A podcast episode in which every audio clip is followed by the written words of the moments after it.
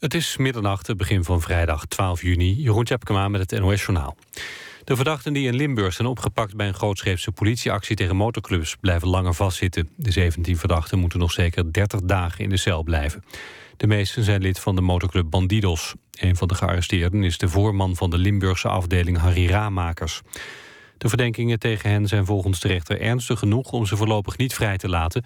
Ze worden onder meer verdacht van wapen- en drugshandel. Topman Dick Costolo van Twitter stapt na bijna vijf jaar op. Hij blijft wel in de raad van bestuur zitten, liet hij via Twitter weten. Hij gaf geen reden voor zijn vertrek. Costolo lag al enige tijd onder vuur wegens tegenvallende resultaten. Het aandeel Twitter steeg 7% in waarde... kort nadat het nieuws over zijn vertrek bekend was geworden. Het lichaam van de vorige week overleden Iraakse politicus Tariq Aziz is zoek, dat zegt zijn familie. De lijkkist was op weg naar Jordanië voor de begrafenis... en zou zijn gestolen op het internationale vliegveld van Bagdad.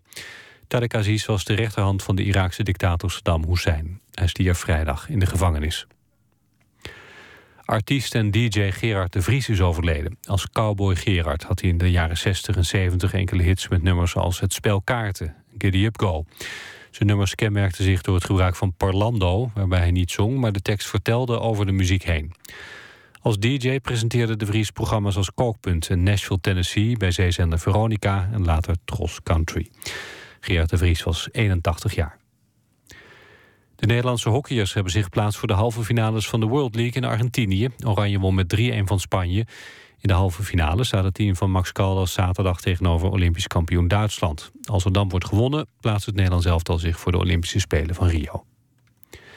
Het weer. Vannacht opklaringen met minima tussen 10 en 15 graden. Morgen zonnig. Het wordt 25 tot 30 graden.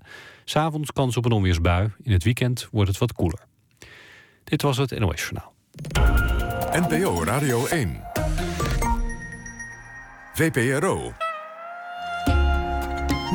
Slapen.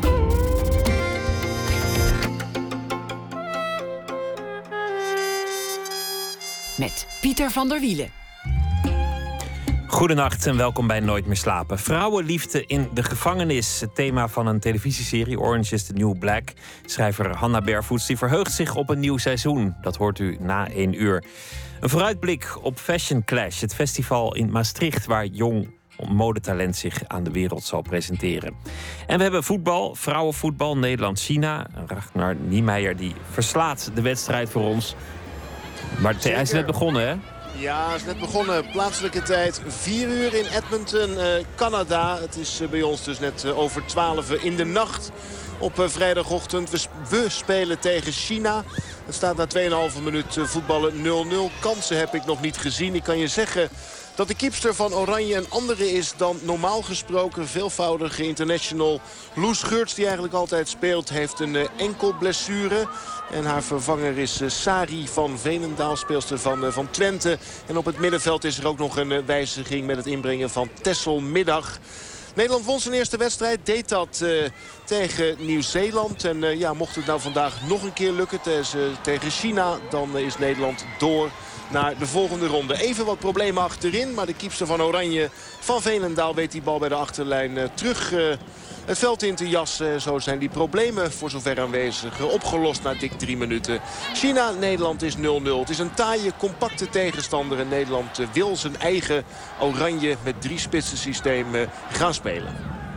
Dankjewel, Ragnar vanuit uh, Canada. Goetje Dohan, welkom. Natsia Lentes. Natsia's Lente heet de nieuwe film. Het was de publieksfavoriet met enige afstand op het documentaire festival ITVA. Het gaat over een uh, probleemgezin in Amsterdam-West. Een alleenstaande moeder die probeert haar eigen leven op de rails te krijgen... en intussen ook nog tien kinderen op te voeden. Gultje die volgde die familie twee jaar lang. Ze wist dat ze alles kon verwachten, maar het pakte kwader uit dan in de slechtste dromen. Aanstaande maandag is de film te zien op televisie. De NTR zal hem uitzenden. In de bioscoop is die ook nog hier en daar te zien. Gulce Doan is geboren in 1975, filmmaker van Turkse afkomst. Groeide op in Enschede. Maakte al eerder films en televisieprogramma's. Een hele lange lijst, gaat niet helemaal noemen. Het begon met Ali B. uit de weg, hij komt eraan. Over uh, rapper Ali B. Liefdeswinter, over liefdesverhalen in haar eigen familie. En ik verwacht alles over Adelheid Rozen en haar project Wijk Safari. Welkom, Kultje. Hi. Hoe werkt dat? Een, een, een probleemgezin. Jij weet van hun bestaan. Ze zijn uh, berucht in de buurt. Ze zijn bekend bij de hulpverlening. Je weet dat het een grote bende is, waarschijnlijk in dat gezin. En je gaat er naartoe en zegt: Ik wil jullie volgen met een camera. Hoe, hoe pak je dat aan? Ja, zo ging het helemaal niet hoor. Um, ik Hoe ging het wel? Ja, ik ontmoette haar in 2007. En um, toen was ze heel erg in het nieuws geweest. Er was heel veel gedoe met oudere kinderen, overlast in de wijk. Uh, haar ex-man was net twee, uh, twee jaar ongeveer vertrokken. Dus zij, zij was als een alleenstaande moeder met negen zoons en één dochter. En um, het moment dat zij haar voordeur opendeed voor de hulpverlening, um, kwam er heel wat over haar heen. Dus veel hulpverlening. En zij werd een bekend probleemgezin. En in het begin, in 2007, het begon allemaal met een krantenartikel in de Volkskrant. Waarin zij zelf uh, niet aan het woord kwam. Maar het was een pagina groot artikel waarin werd geschreven dat er een probleemgezin was in Slotervaart, Amsterdam West. Met negen zoons. Uh, die terroriseerden de buurt. En deze vrouw was niet capabel, niet betrokken bij de opvoeding van haar kinderen. En de hulpverlening moest zelfs haar leren om boterhammen voor haar kinderen te smeren. Dit was wat ik over het gezin had gelezen. En in 2008 was ik als regisseur gevraagd uh, bij een programma dat heette um, Hoezo No Go. Het was een programma van Pauw, uh, Witteman en Prem Radakishun. Waarin ze in de wijk Slotervaart gingen kijken wat er nou echt speelde. Want er waren allerlei rellen met Marokkaans-Nederlandse jongeren. Hoezo no-go ging dan over de, de uitspraak dat het een no-go area zou zijn geweest? Precies, dus er waren, werden auto's in de fik gestoken, er waren rellen, er was veel onrust. En wij, ik ging als regisseur mee met Prem Radakishun de wijk in om te peilen wat er nou speelde. Dus wij gingen langs het politiebureau, wij gingen langs jongeren, maar wij gingen ook binnen bij dat ene bekende probleemgezin. Dat was geresearched. Maar ik had natuurlijk wel een beeld van haar. Maar ik ontmoette een hele andere vrouw. Ik uh, vergeet ook nooit dat moment dat wij daar binnenkwamen en zij stond uh, in de woonkamer en overal lagen bergen was op de bank. En ze zei ook: Dit is mijn Waterlooplein. Kom, je mag met me praten, maar dan moet je wel helpen vouwen. Dus Prem en ik gingen meevouwen en wij hoorden haar verhaal. En dat was een kort programma, actualiteiten, uh, snel gemaakt. Later hebben we zelfs nog een premtime aflevering over dit gezin gemaakt. Het ging heel erg ook over de hulpverlening. Maar als documentairemaker bleef ik wel heel erg achter met een onvoldaan gevoel toch wel. Omdat ik, ja, ik vind het, ik, ik raakte gefascineerd door haar. Uh, door haar, um, weet je, het is een vrouw die de bodem heeft geraakt die, die door verkeerd gemaakte keuzes en haar eigen geschiedenis echt uh, nou ja, veel problemen had, veel hulpverlening. Maar zij probeerde tijd te keren. En ik wilde langer uh, bij haar zijn. Het was een vluggertje, zoals die zoveel gemaakt worden uh, in de journalistiek en in de media. Ja. Je komt en je gaat en je hebt je verhaal en it's a rap. Precies, precies. En het was toen wel goed, want toen ging het nog heel erg over de hulpverlening. En wonen er heel veel kinderen thuis. Maar wij zijn die film gaan maken in de stilte na de storm, zeg ik altijd. Het was een moment dat het een stuk beter ging. De oudste kinderen waren uit huis. Met de jongere kinderen ging het goed. En Nazia kwam voor het eerst in haar leven toe aan, aan zichzelf. Aan ontwikkelen. Aan, aan, aan, ze kon voor het eerst ademhalen, maar ook reflecteren. Dus dat vond ik juist voor een documentaire een interessant moment om in te stappen. En een film over haar te maken. Met een focus een, op moeder. Een hoofdpersoon, iemand met een heel duidelijke wil, met een, met een heel duidelijk uh, probleem. Namelijk een, een leven dat nogal een, een ravage is. Maar ook op een interessant moment. Wat was jouw voorstel toen je, toen je zei: Ik ga een film maken? Wat, wat heb je gezegd? Ik, ik ga je volgen of ik ga je alleen volgen op die momenten? Of hoe heb je dat uh, nou, we hebben er samen eigenlijk zo'n twee jaar lang over gedroomd, noem ik dat altijd. Uh, filmdromen of zo noem ik dat dan. Dus we hebben er samen over gepraat. En zij zei: Als het moment er rijp voor is, dan, dan wil ik dat met jou aangaan. Ik wil graag die andere kant laten zien. Dus pas op het moment dat zij ook iets meer rust had, zijn we daarmee begonnen. En mijn afspraak met haar was dat, dat, um, dat ze me op de hoogte zou blijven houden van alle ontwikkelingen. Dat ik veel op bezoek zou komen, ook zonder camera. En dat ze me daarin wel uh, alles zou geven. Dus niet alleen de glorieuze momenten, maar ook wanneer het echt moeilijk zou zijn, dat ze me daarin wel de vrijheid zou geven om, om, om langs te komen met een camera. En daar heeft ze zich eigenlijk altijd aan gehouden. En dat wij beslisten wanneer die camera uit mocht. Waren er dingen die je niet kon filmen? Want er zijn natuurlijk ook mensen in iemands leven die het niet leuk vinden. Bijvoorbeeld de oudste zoon die vond het, vond het een gruwel dat die film werd gemaakt dan moet die camera uit als die Meerdere zoons, ja. Nou, er zijn vijf kinderen in beeld en vijf niet. Dus er waren een aantal kinderen die dat pertinent niet wilden en ook vanaf het begin heel duidelijk waren. Een aantal van hen zijn toch zelf ingestapt omdat ze dat zelf wilden, maar sommigen zijn daarbij gebleven. Dus als die dan binnenkwamen, dan ging de camera wel uit. En dat geldt het is, ook... het is natuurlijk ook iets ik denk in, in ieder gezin. De vuile was wordt niet buiten gehangen. Dat, dat is niet eens cultuurgebonden. Maar ik denk in de Marokkaanse cultuur dat dat nog iets sterker geldt. Dat je, dat je niet ja. de, de, de van je familie uitvindt. En zeker niet als vrouw. Ja, nou, zij is ook wel van alle kanten onder druk gezet hoor. Dus er waren een aantal kinderen die dat een schande vonden dat moeder dit deed. Ook een aantal die trots op haar waren. Maar er waren ook hulpverleners die absoluut niet wilden dat deze film er zou komen. En er was ook ja, heel veel druk op haar vanuit de gemeenschap. Die zeiden, de vuile was hang je niet buiten. Doe dit niet. Dus en dan ook is... nog zonder hoofddoek uh, je laten filmen, om maar eens wat dat, te doen. Er waren vooral een aantal zoons die dat heel moeilijk vonden. Dus met make-up op, zonder hoofddoek. Um, dansend, weet je, op het einde van de film danst zij. Dat was voor een aantal zoons het moeilijkste om te verkroppen. Maar ja, zij, zij, zij leven in die wijk uh, tussen allemaal mensen die, die, die hen daarop gaan aanspreken. Het zijn jonge jongens, hè, want haar oudste kind is 24 en haar jongste 11. Dus het zijn ook, er zijn heel veel pubers. Dus die, die sociale druk van, vanuit die wijk en vanuit hun vriendjes, die allemaal toch wel andere moeders hebben, die niet de media opzoeken of in elk geval misschien een hoofddoek dragen. Of ze willen gewoon dat hun moeder lijkt op andere moeders. Even de situatie uh, schetsen, want uh, het is een bekende familie. Ze zijn vaak op AT5 geweest. Er, heeft een reportage over in de Volkskrant gestaan. Er is ook al andere aandacht uh, geweest. Zij is een, een, Marokkaanse vrouw die naar Nederland is gekomen, uitgehuwelijkt aan een oudere man. Die relatie die heeft tien kinderen opgeleverd. Zij werd mishandeld in de relatie. Zij heeft op een zeker ogenblik, zwanger van de tiende, een punt achter die relatie gezet. En toen was zij dus een alleenstaande moeder met tien kinderen te verzorgen. Ja, negen waren van haarzelf. Hè. De oudste die heeft, uh, was een cadeautje van hem, zeg maar. Die had hij al. Oh, die had hij al uit de dus vorige huwelijk, dat klopt. Ja, ja. die ziet ze wel als haar eigen kind. Nou ja, ik bedoel, als, als ik tien kinderen zou moeten, moeten grootbrengen... dan zou het ook een enorme bende worden. Ik denk dat dat voor heel veel mensen geldt. Om in je eentje tien kinderen groot te brengen... en daarbij dan ook nog uh, aan, nou ja, in, in de kosten te voorzien. Dat, dat is een onmogelijke opgave. Ja, en dat met zo'n geschiedenis hè, van veel geweld. En zij heeft zelf in haar jeugd ook heel veel geweld gekend. Uh, opgegroeid bij haar ouders. En zij was drie jaar toen ze naar Nederland kwam. Dus eigenlijk is zij een heel Amsterdams meisje. Maar er is ergens, uh, is zij, zij is op haar negentiende, zij noemt dat verkocht aan een 30 jaar oudere man door haar eigen moeder. Um, voor 10.000 gulden. Dat zegt ze in de film. En uh, dat, in dat huwelijk uh, werd zij steeds meer afgesneden van haar familie, van de buitenwereld. Ze mocht ook niet naar buiten. En ze heeft het allemaal uiteindelijk laten gebeuren.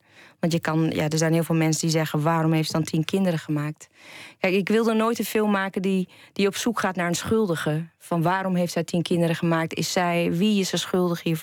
Maar het is ook complex. Het is van generatie op generatie worden dingen doorgegeven. En zij was een monddode vrouw. Dat, dat zit niet in de film, omdat ik kende haar toen nog niet eens. Want op het moment dat ik haar leerde kennen, ging het al iets beter. En was zij door hulp van hulpverlening en door eigen kracht al best een brutale vrouw geworden die mondig is. Maar de Nazia die, die in dat huwelijk zat, was een vrouw die nooit buiten kwam. Die, die zelfs de buren niet mochten zien. Die geen stemrecht had in huis.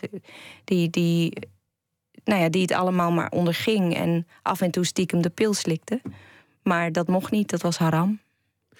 We gaan luisteren naar een, fragment uit de film dat meteen al een beetje de sfeer schetst. En, en ook een gedeelte van het, uh, van het verhaal en van, van de emotie van Nazia op dit moment. Als ik zie eh, dat mijn kind in zijn hoofd niet prettig voelt, dan denk ik: het is mijn schuld, want ik heb die kinderen op de wereld gezet. Kinderen vragen hier niet voor. Ik zal me tot de op het eind, op mijn laatste adem, zal ik me schuldig voelen. Ik heb ze op de wereld gezet. Ik had ergens moeten zeggen stop. Maar ik kon het niet. Ben jij een kind van uh, 8, 9, 10? Dan weet je niet beter, hè? Je bent het ook verplicht. Verplicht? Ja.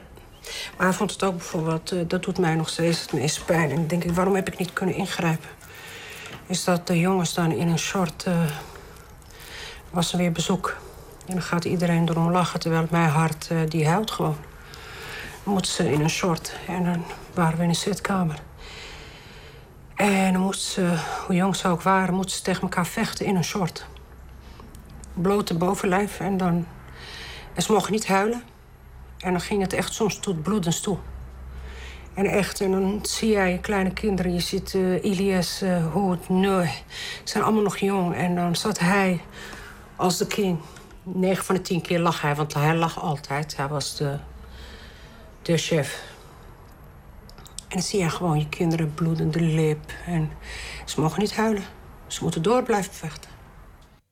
Hier hoor je twee vrouwen door elkaar eigenlijk. Want het is, het is één vrouw, maar ze vertelt haar verhaal over zichzelf alsof het een, een ander persoon bijna betreft.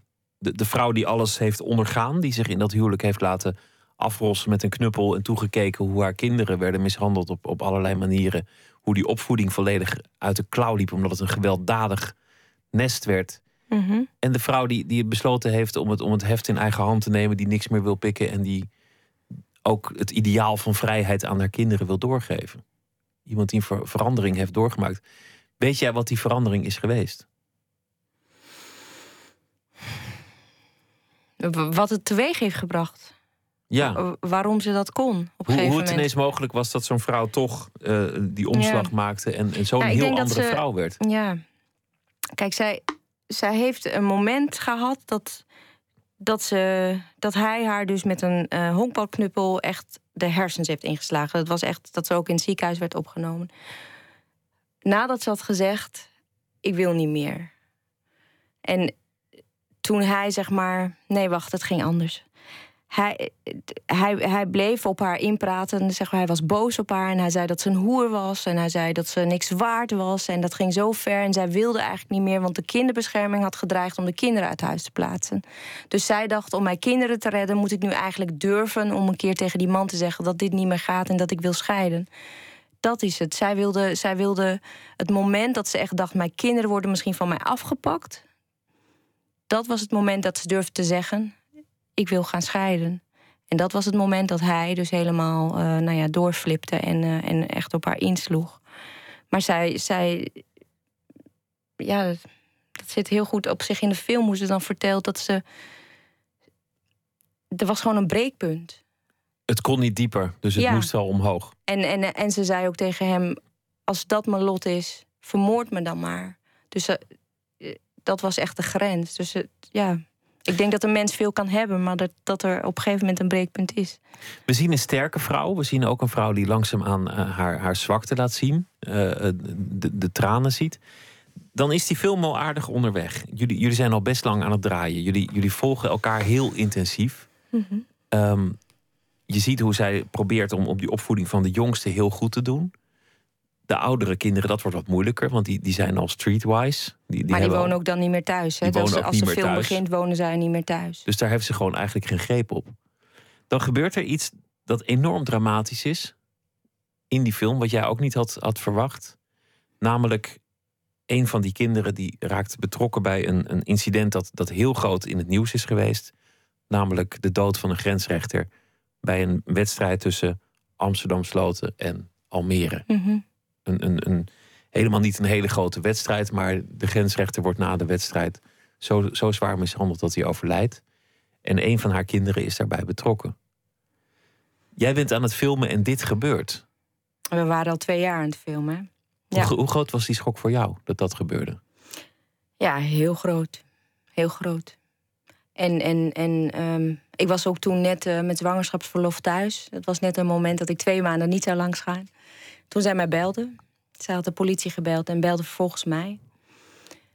En uh, ja, een schok. Voor mij was het ook echt een schok. En voor haar helemaal natuurlijk. Ze heeft haar eigen kind aangegeven? Ja. Dat, ja. ja wat, wat, moet je doen? Nou ja, aangegeven. Uh, ik bedoel, het was helemaal toen niet duidelijk. Zij, zij heeft wel de politie gebeld en gezegd: Mijn kind was daar ook bij die wedstrijd. Want hij had nog geen KNVB-pas. En, uh, en zij heeft toen zij dus van hem hoorde dat er een ruzie was geweest. En dat ze het later op, op het nieuws hoorde dat dit met die man was gebeurd. Toen heeft zij zelf de politie gebeld en gezegd: Ik wil even doorgeven dat mijn kind ook bij die wedstrijd was. Zo is het gegaan, ja.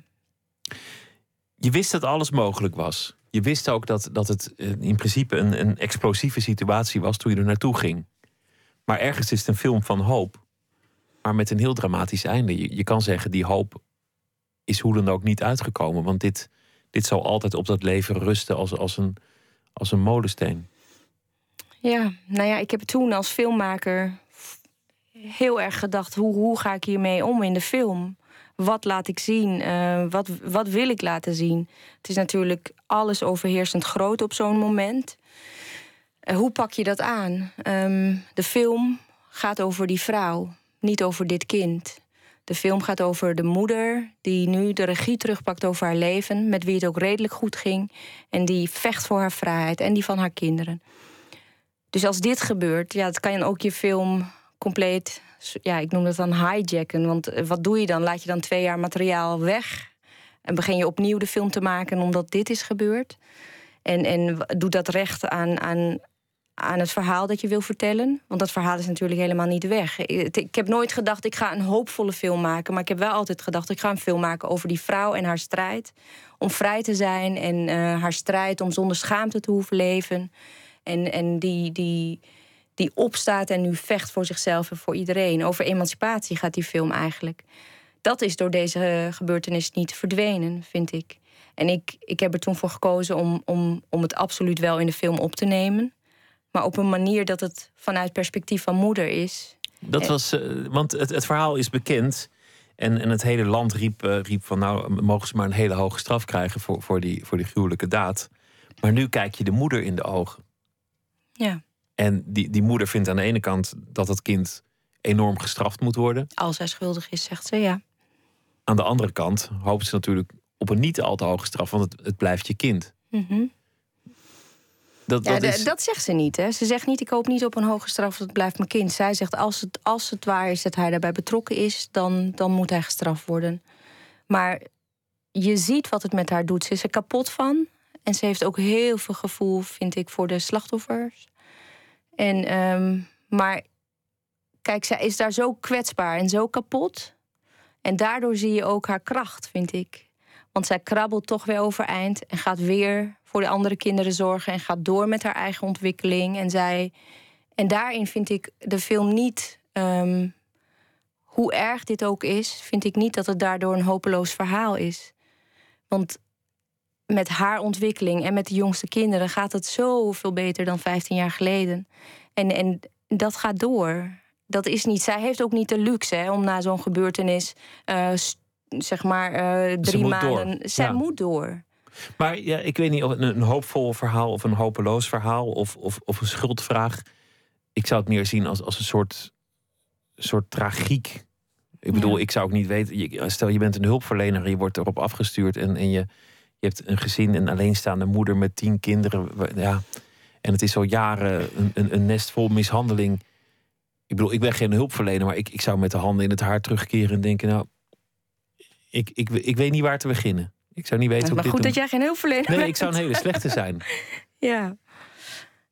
Ja, maar ik vind wel... Oké, er is heel veel hulpverlening geweest... en het gaat nog steeds soms niet goed. Uh, maar in grote lijnen en met de jongere kinderen... en met de moeder gaat het hartstikke goed. In vergelijking met 15 jaar geleden. Dus er is eigenlijk in... Kijk, zij heeft bijvoorbeeld een dochter... Nazia zelf heeft van generatie op generatie geweld gekend, uh, weinig liefde gekregen, is uitgehuwelijkt, is verkocht zelfs. Maar zij heeft in één mensenleven veranderd dat haar dochter dat niet zal gebeuren. Zij staat nu op en zegt: Mijn dochter moet vrij zijn, mijn dochter moet kunnen studeren, moet haar eigen partner kunnen kiezen. Dat heeft zij in één mensenleven gedaan. Dus dat vind ik ook heel knap en eigenlijk. Ja, dat fascineert mij daarin ook, zeg maar. Dat is eigenlijk heel hoopvol, toch? Ja, er zit, er zit hoop en, en wanhoop uh, ja. in, in de film. Ik wil het ook met je over uh, andere dingen hebben. Maar we gaan eerst nog even naar uh, het vrouwenvoetbal. Ragnar, hoe gaat het daar? Het is 0-0. We wachten op een uh, treffer. Uh, ik moet zeggen dat de wedstrijd uh, wat meer wordt gemaakt door de Chinezen. Ze hebben wat meer de bal. Hebben ook wat, wat kleine mogelijkheden gekregen. Geen, geen echte kansen. Nederland heeft één keer Vivianne Miedema weten te vinden. De topscorster van de ploeg. Het 18-jarige supertalent. Vanaf de rechterkant een minuut of twee, drie geleden een voorzet van Manon Melis. Die vroeger in de centrale, of in de, ja, die centrale rol voorin zeg maar, speelde als nummer 9. Maar nu aan de rechterkant. Maar er was geen controle bij, bij Miedema. En nog één momentje. Een tijdje terug alweer een hoekschop verwerkt door China. Nederland kreeg er overigens eentje. Middag kreeg die bal eigenlijk onverwacht voor de voeten. De middenveld van een meter of 15 uh, moesten het blind uit de draai doen. En die bal ging naast. De Chinezen komen nu weer in de as van het veld. Schiet ook van afstand. Lastige stuit wel. Maar uh, naast het doel wel een meter of 5. Naast de goal van de Nederlandse doelvrouwen Sari van Veenendaal.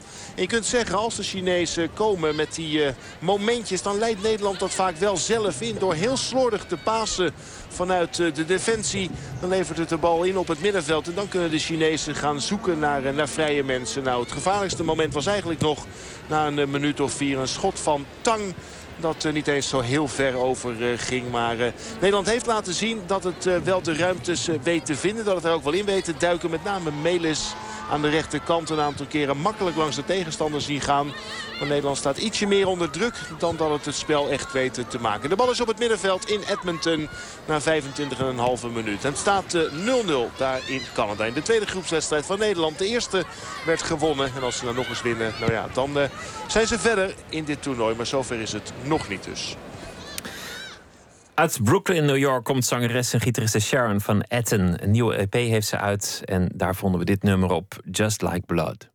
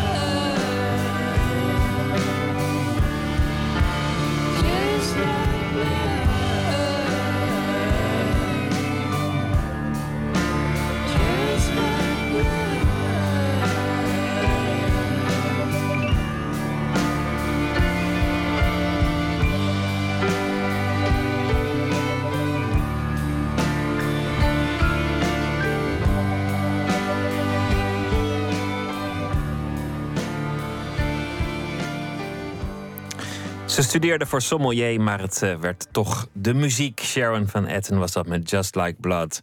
Nooit meer slapen in gesprek met uh, Gulce Dohan. Filmmaker van Turkse afkomst, uh, geboren in Enschede in 1975. Je ouders die zijn naar Nederland gekomen om, om te werken in de, de textiel. Ja. ja. ja. Je ouders die zijn gescheiden toen jij 16 was. Ja, hoe weet je dat? Ja, ik, ik, ik probeer me een beetje voor te bereiden voor zo'n gesprek. En jouw, um, jouw moeder was heel jong toen ze, toen ze met jouw vader trouwde. Ja, 14. 14, dus. 14. Dus dat was niet een Nederlands huwelijk, want dat mag niet eens. Nou, ik moet zeggen, in die tijd in Turkije mocht het ook niet. Maar daar wisten ze wel allemaal trucjes voor. Liegen dus over je leeftijd, was dat ja, een trucje? Ja, ja. Je mocht volgens mij pas trouwen als je 16 was. Dus ze is toen ook. Uh, ze deden haar voor als iemand van 16. Ja. Dus dat, dat, dat klinkt als een gearrangeerd huwelijk, als je zo jong Dat was het ook, ja. Mijn vader... Um, nou ja, mijn moeder die komt eigenlijk uit een familie van best wel een... Uh, nou ja, mijn opa was een hele belezen man en een uh, linkse activist in Turkije. Dus eigenlijk is het niet een familie die haar dochter uithuwelijkt. Het was ook geen echte uithuwelijking, maar... Uh, toen, toen de broers van mijn vader om haar hand kwamen vragen... Mm, toen heeft mijn moeder en, en, en mijn oma hebben ja gezegd, omdat mijn moeder dacht: in Europa kan ik naar betere universiteiten straks. Dus omdat ze dacht dat ze dan een betere toekomst zou hebben. En mijn oma dacht aan haar in economisch opzicht zou ze het beter krijgen. hebben ze ja gezegd. En mijn opa was toen aan het werken op het platteland ergens. En die kwam s'avonds thuis. En toen hij dat hoorde was hij heel teleurgesteld. En hij heeft mijn moeder apart genomen, is het verhaal. En gezegd, is het echt je eigen keus? Of, of heeft iemand je gedwongen? En mijn moeder heeft gezegd: Ik wil het zelf. En, en toen heeft hij het eigenlijk toegestaan. Terwijl ze eigenlijk nog een kind was, natuurlijk. Heb je wel eens een huwelijksfoto van je ouders gezien? Ja, ja, ja. En was het een, was het een mooie dag? Nou ja, het is allemaal in zo'n fotostudio en van die geretoucheerde foto's. Maar je, maar je, ziet, je ziet wel de, de blikken, de blijdschap, ja, nee, het ziet er niet, uh, nee, nee, het ziet er niet, uh, het ziet er niet uit als een hele romantische huwelijk. Het is, je ziet ook het meisje dat ze nog was. Ze heeft wel met heel veel make-up dan ouder gemaakt. Maar nee, ik... En, en, en die liefde, ik bedoel, ze zijn best lang getrouwd geweest, volgens mij 25 jaar. En, en mijn vader was ook een hele lieve man. Dus ze hebben het lang in stand kunnen houden. Maar ze waren zo verschillend. Dus mijn moeder was echt een uh, belezen vrouw. En uh, heeft zich uiteindelijk uit als fabrieksarbeider in de textiel. Is, heeft ze zich ontwikkeld tot vakbondsbestuurder bij de FNV. En ze zat in de politiek als gemeenteraadslid in Enschede. Dus zij, zij ontwikkelde zich heel erg door. En zij is echt een wereldverbeteraar. En zij keek alleen maar Nova. En mijn vader keek liever naar Turkse soaps. En en mijn vader was meer een ja, gezellige, simpele, lieve man. Dus ze, ze pasten helemaal niet bij elkaar. Dus die scheiding is, uh, toen ik 16 was, zijn ze gescheiden. En je vader leeft niet meer? Nee, nee die is uh, vijf jaar geleden plotseling overleden. Je hebt een film gemaakt met de titel Liefdeswinter, waarin je in je eigen familie gaat rondvragen: wat is eigenlijk liefde? En dat, dat is een vraag die uit jezelf kwam toen. Want je zegt in die film, toen was je 34. Ik heb al 17 jaar geen verliefdheid gevoeld. Ik ben zo benieuwd wat het is. En je gaat te raden bij je oom en, en, en bij andere familieleden. En die vertellen de mooiste verhalen. Over, over, over de liefde, over een, een vonk. Komt dat, komt dat daar ook misschien vandaan? Dat je ouders ja, tot elkaar veroordeeld zijn, min of meer door, door de familie. Dat je je daarom die vraag stelde? Ja, die film was echt mijn persoonlijke zoektocht. Ik, ik, ik zie die film als een. Uh, dat de film mooi is geworden, vind ik fijn. Mhm. maar ik ben daar zelf ook heel erg door gegroeid of zo. Want ik, ik begon aan die film omdat ik zo gefascineerd was door mijn bejaarde oom en tante in Enschede. Mijn tante had Alzheimer en mijn oom verzorgde haar met zoveel liefde. Dat ik, ik vond dat de mooiste liefde die er was. Het is ook, als je het gezien hebt, onvergetelijk. Vroeger werden ze al Romeo en Julia genoemd. Ja. Deze man, ik, ik denk altijd verliefdheid, dat is eindig. Ja. Ik bedoel, dat duurt een paar maanden, misschien een paar jaar. Misschien kan je het rekken nog, nog iets langer. Maar deze man is nog steeds smoor verliefd op zijn vrouw. Ja, zo zag ik dat. En ik was zo gefascineerd door hoe, wat dat was. En, en, en natuurlijk heeft dat achteraf gezien te maken met dat mijn ouders gescheiden waren. Dat ik altijd vrijgezel was. En uh, zelf niet aan het liefde durfde, denk ik, nu. Maar ik dacht eerst, ik ga een film maken over die twee... en ik ga op zoek naar hun liefdesgeschiedenis. Want dat, ik vond het zo mooi. Ik was gewoon heel nieuwsgierig. Het beeld is ook mooi. Je ziet, je ziet die man, een, een, een vrij ernstig demente vrouw... de haren kammen, over de wang strijken. Dit is niet liefde van we houden van elkaar. Dit is, dit is verliefdheid, vlinders in je buik en, en uh, ja. huppelend er naartoe. En echt zorgen voor elkaar. Maar ja, zo begon het, zeg maar. Maar gaandeweg het proces, want ik, ging, ik dook in hun liefdesgeschiedenis. En langzaam kwamen al die verhalen op mij af. Waarin ik erachter kwam dat ik eigenlijk heel onbewust. Ik, ik, heb me dat, ik had me dat nooit gerealiseerd tot ik die film ging maken. Maar dat ik best wel ben opgegroeid in een omgeving met hele moeilijke liefdesverhalen. Bijna allemaal verstandshuwelijken. En ook deze oom en tante, hun liefdesverhaal was helemaal niet zo geweldig. Uh, hun geschiedenis was hartstikke moeilijk geweest. Uh, zij was ook aan hem uh, of het was in elk geval een verstandshuwelijk. En, en er was veel geweld geweest, niet van hem naar haar toe, maar wel van zijn broer ook naar haar toe. En, en gaandeweg die zoektocht, zeg maar, toen ik erachter kwam dat hun liefdesverhaal best wel scheef zat en moeilijk. En toen ging ik dus verder vragen aan mijn eigen oma, aan mijn tantes. En, en toen kwam ik eigenlijk achter dat ik eigenlijk als kind daar eigenlijk in zo'n omgeving ben opgegroeid. En daarnaast had je dan de vrouwen als mijn jongere tantes, eh, de zussen van mijn moeder en mijn moeder zelf, de feministes, die, die eigenlijk allemaal uiteindelijk gescheiden zijn. Allemaal. Echt allemaal. En, en, en die allemaal waarschuwen voor de liefde in de zin van maak iets van je leven, zorg dat je studeert, zorg dat je je eigen geld hebt. Laat je niet door een man eh, van je lot afbrengen. Precies, en als de tijd rijp voor is, misschien ontmoet je ooit een man, maar ach, weet jij je. Vraagt, jij vraagt aan een van je uh, familieleden, uh, aan een, een, oom ook geloof ik, ja, hoe, hoe kan het? Ik, ik, ik, ik zoek een man, ik heb nog geen liefde. En hij doet het laconiek en zegt, begin gewoon met iemand. Ja. Er zijn genoeg mensen op de wereld, zegt hij. Kies er toch gewoon Kies er eentje uit, begin een relatie, wordt vast gezellig. Ja, ja. Nou ja, zulke manier. Nou ja, dat zegt al heel veel over, over de andere manier van denken over liefde. Ja, precies. Precies. Maar zo kwam ik tijdens het maken van die film. Ik, ik, had nooit de bedoeling om mijzelf in die film uh, te stoppen, zeg maar. En ik zit niet als gezicht in de film hoor. Maar, maar ik kwam er wel achter dat dat de verhalen van die generaties zo zijn uitwerking hadden gehad op mijn leven. Uh, en dus, ja, dat is ook net zoals in de film Nazia's Lente, van generatie op generatie worden dingen doorgegeven. Want het is ook, er is uh, geweld geweest, um, um, mannen die vrouwen slaan of, of op andere manier um, slecht met iemand omgaan. Jij zei net, ik, ik werd altijd gewaarschuwd. Laat je, vergooi niet je leven voor een, voor een slechte vent. Ja. Is dat misschien de reden waarom je ook zo lang niet aan de man kwam of niet verliefd werd? Omdat dat je in een, toch in een soort gewaarschuwde sfeer rondhing? Ja, achteraf denk ik dat het ermee te maken had. Maar ja, dat is kinderpsychologie, denk ik. Dus ik, ik, ik denk het wel. Ik denk dat ik uh, mij veilig voelde zonder uh, liefde.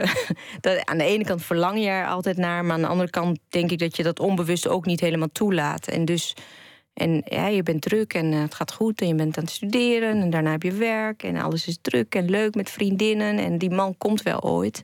Maar echt openstaan ervoor deed ik denk ik nooit. Maar tijdens het maken van die film, kijk, nu klinkt het allemaal heel negatief en er waren ook heel veel in die liefdesgeschiedenis is heel veel gebeurd wat, wat, wat moeilijk was en niet oké was. Maar door het maken van die film heb ik ook wel geleerd dat liefde niet zo zwart-wit is of zo. Want wat die man op dat moment, mijn oom, voor zijn vrouw voelde, was, vind ik wel echte liefde. Dat is echte liefde als je voor iemand zorgt die echt zo ziek is en dat met zoveel overgave doet en diegene niet nooit alleen laat. Dan moet dat wel liefde zijn. En misschien was het ooit geen liefde en misschien heeft hij dingen gedaan gaandeweg waar hij spijt van heeft. Maar dat ook liefde is niet zo zwart-wit. Ja. En inmiddels met, jezelf, want. Uh je hebt een man gevonden en uh, je hebt een kind. Dus, dus de, situatie van toen is, is gewijzigd uiteindelijk. Ja, ja, ja.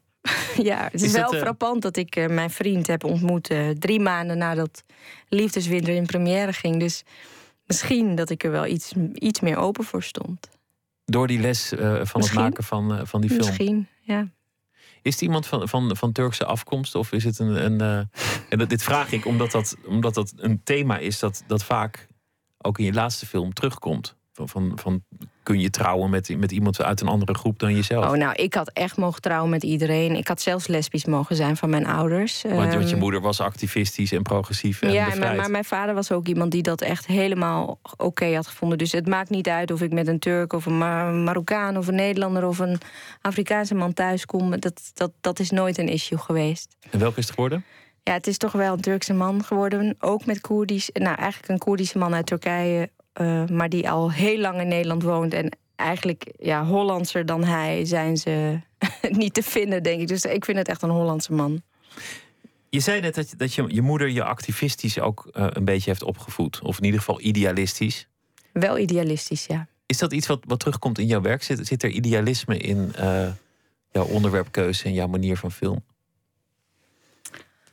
Dat vind ik een moeilijke vraag. Ik denk wel dat mijn films onbewust toch vaak gaan over sterke vrouwen. Over emancipatie. Over ehm, mensen die ehm, zich durven heel kwetsbaar open te stellen, eh, op te stellen. En ehm, ja, wel, wel, wel taboes doorbreken, denk ik.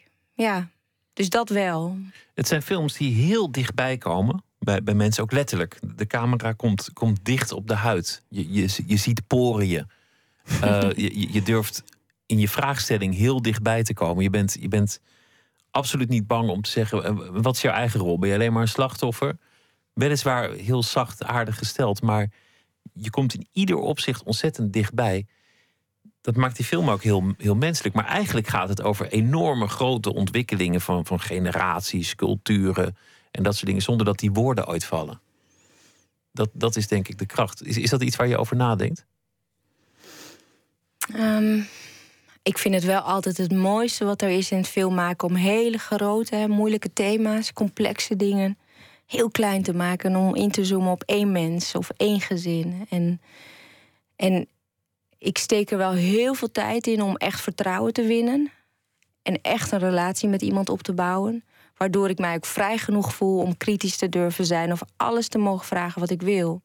En bij mijn eigen familie was dat heel makkelijk. Sommige mensen dachten van ja, maar kan je wel een film over je eigen familie maken? Maar het was echt, ik kon alles vragen. En mensen gingen helemaal open. En, die oude bestjes gingen allemaal giechelen als ik dan vragen stelde over de liefde. Want had- ze hadden nog nooit met iemand over de liefde gepraat.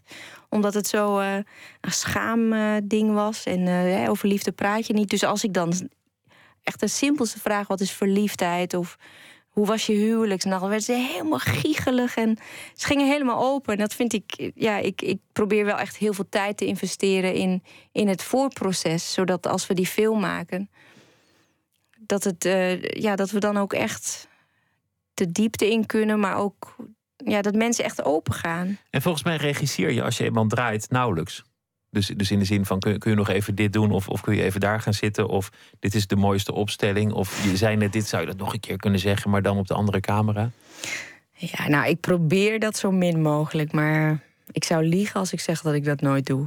Dus het moet soms wel. Ik, heb een, eh, ik had bij, dit, eh, bij de laatste film uh, Nazia's Lente...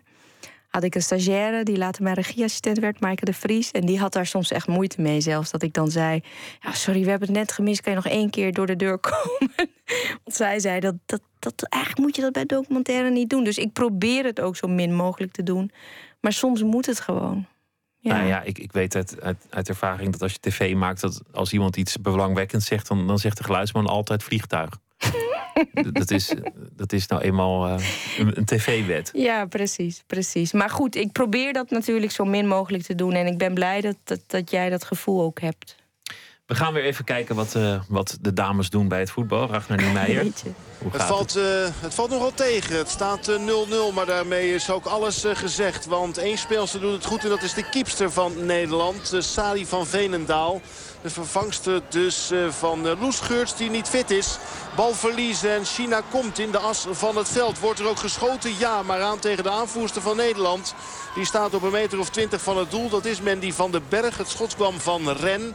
Die hebben we al vaker zien schieten. Met name rond het half uur waren er drie, vier goede mogelijkheden voor de Chinezen. Van Veenendaal steeds er goed bij. En Nederland ja, is de bal voorin Nu al heel snel weer kwijt aan de rechterkant met Manon Melis. Nederland heeft de bal nauwelijks, heeft geen kansen. Straalt heel weinig flair uit. En ja, kijk je naar de andere kant, dan gaat het snel. Wordt er gecombineerd. Dat geldt dan dus voor China. En zijn er ook uh, dik, dikke kansen geweest toch om Nederland op achterstand te zetten. Het goede nieuws is dat het nog maar 10 seconden is tot aan de rust. En dan lijkt het dus op 0-0 af te stevenen in Edmonton. Nederland mocht ook niet klagen trouwens dat er geen strafschop werd gegeven. Na een uh, duw van hoge woning op Lee Si Wang. En dat had namelijk wel zomaar gekund. Nederland aan de rechterkant, halverwege de helft van de Chinezen. We zitten in de extra tijd. Ontstaat hier misschien nog een kans. Iets met Miedema of misschien Martens. Maar die heeft de bal aan de voet. Gaat van de linkerkant van het veld naar de rechterkant. En dan heeft de scheidsrechter uit Colombia ook wel eventjes genoeg gezien. Het is niet goed. Het is slecht wat Nederland op de mat heeft gelegd. Maar het goede nieuws is dat het gelijk staat. 0-0. Dankjewel, Ragnar uh, Niemeyer. Gucci Dohan. We hadden het net over, over hoe je draait. En, een van de belangrijke dingen is toch streven naar authenticiteit en het opbouwen van contact. In alle films die jij gemaakt hebt, gaat het heel vaak over, over wat je dan zou noemen multi-etnische, multiculturele, of hoe je het ook noemt, thema's. Allochtone thema's. heeft, heeft, dat, heeft dat een. Oh. Ja, ik vind dat zo moeilijk. Yeah. Om, welk woord moet je daar nou weer voor kiezen? Maar heeft dat een reden? Oh, jeetje, ja, weet je, heel veel documentaires. Nou, bijna. Nee, alle documentaires die ik tot nu toe heb gemaakt, heb gemaakt, die zijn ontstaan uit mijzelf. Dus die heb ik zelf bedacht. Daar heb ik scenario's voor moeten schrijven en ik heb research gedaan. En ik heb nooit gedacht, ik ga in mijn werk alleen maar films maken over de multiculturele samenleving in Nederland of zo. En voor mij is Nazia bijvoorbeeld een hartstikke Hollandse vrouw. Heb je haar zien hossen op haar verjaardag in de film? Ja. Uh, of, of de dingen die ze zegt, ze is gewoon een Amsterdammer. Dus, ze praat ook Amsterdams. Ja, precies. En, en jeetje, ja, ik, mijn ouders komen, zijn Koerdisch uit Turkije. Maar ik, ik ben een, ik, ik zei altijd, ik ben een uh, tukker, want ik ben geboor, geboren en getogen in Enschede. Dus ik, ik vind, wij zijn allemaal Nederlanders. En, en heel vaak gaan de thema's die mij ontroeren, toevallig over mensen die, die uh, nou ja, wiens ouders in andere landen zijn geboren. Maar nee, ik denk niet dat ik daar bewust voor kies of zo. Nou ja, misschien is het een voordeel dat, dat, dat als jij um, zulke hele intieme films maakt, dat je eerder toegang hebt, om, omdat ze denken, nou misschien dat zij mij begrijpt, omdat ze zelf ook een andere achtergrond heeft. Nou, ik denk bij Nazia's Lente speelde dat wel mee. Dat, uh, dat uh, bijvoorbeeld de, de, meeste kinderen die, uh, die hadden zoiets van: joh, als jij mij filmt, dan is het net, dan denkt iedereen dat je mijn tante bent. Of, dus, en, en, en natuurlijk is bedoel, Marokko en Turkije liggen heel erg anders. En het is eigenlijk helemaal niet te vergelijken. Maar ik denk dat die kinderen en Nazia zelf wel dachten dat ik de cultuur in elk geval beter begrijp. En dat zal, zal altijd wel helpen in het vertrouwen die je krijgt. Maar ja, die andere film is een film over mijn eigen familie.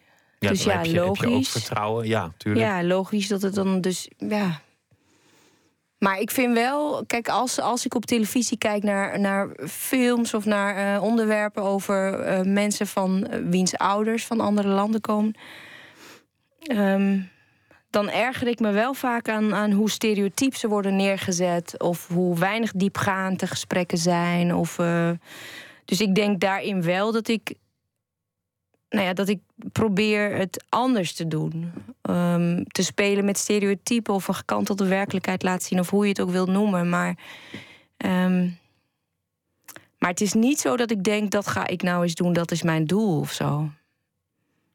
Nee, maar er is er natuurlijk ook een discussie die, die, die maar voor, voortduurt en voortduurt. Uh, ik, ik, las niet zo lang geleden een stuk van Stefan Sanders, uh, columnist bij Vrij Nederland. Die, die zegt van nou, er is in 30 jaar niks veranderd al die redacties, al die, al die makers, die zijn allemaal zo blank als maar zijn kan. Ja. En dat wordt nauwelijks beter. En hij zei: het nieuws is blank.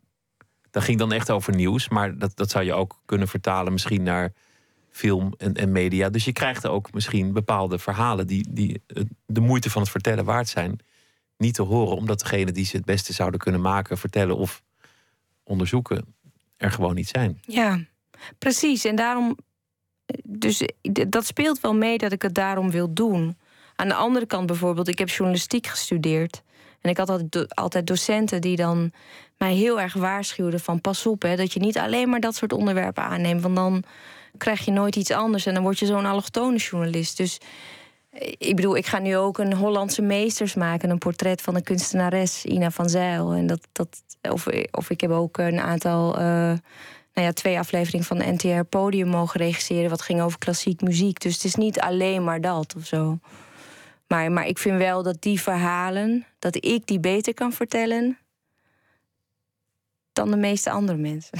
Ja, nou ja. Arrogant, hè?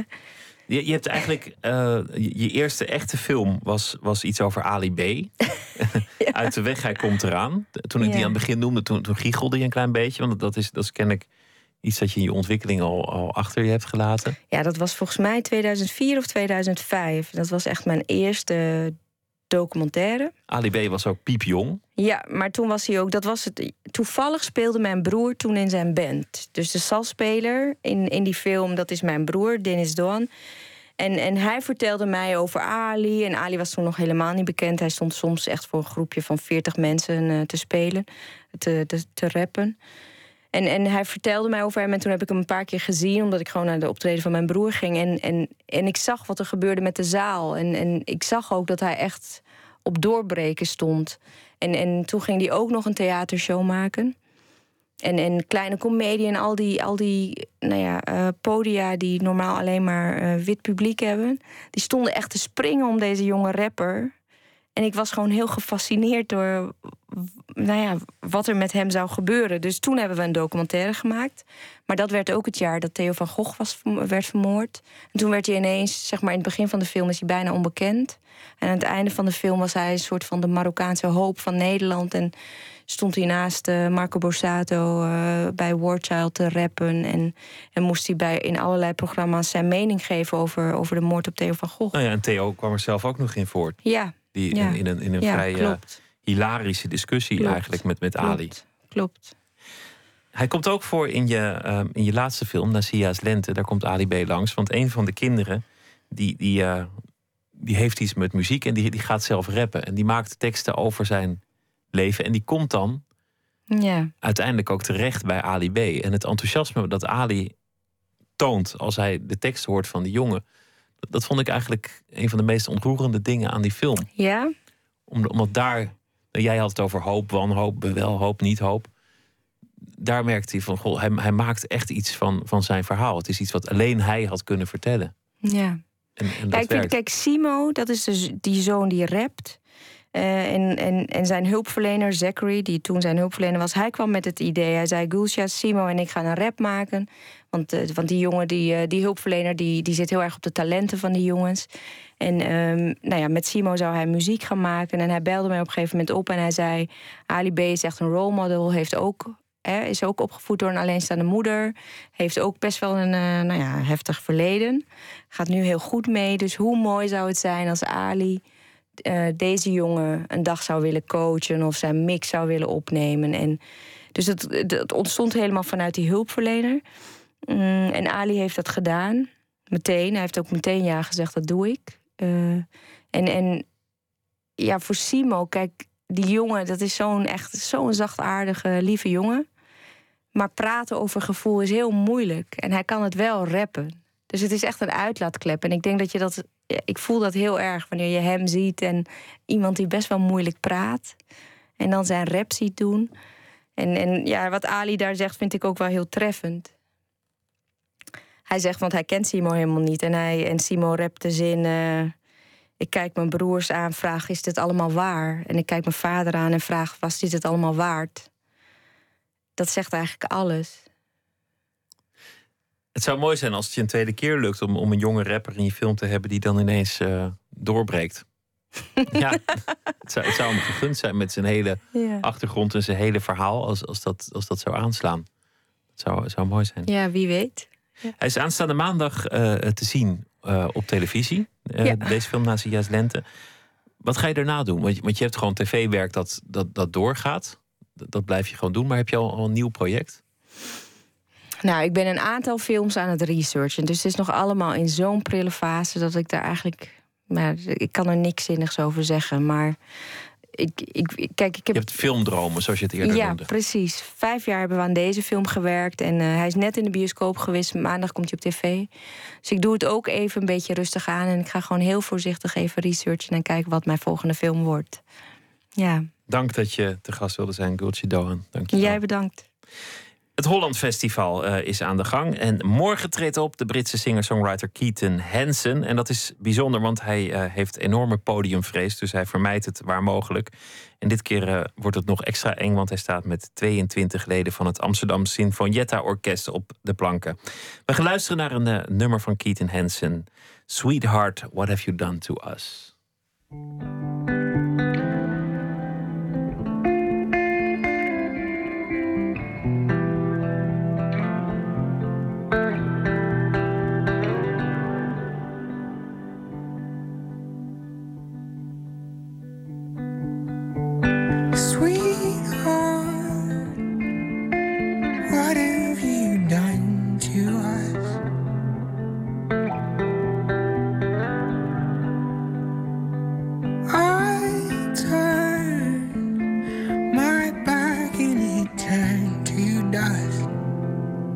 What have you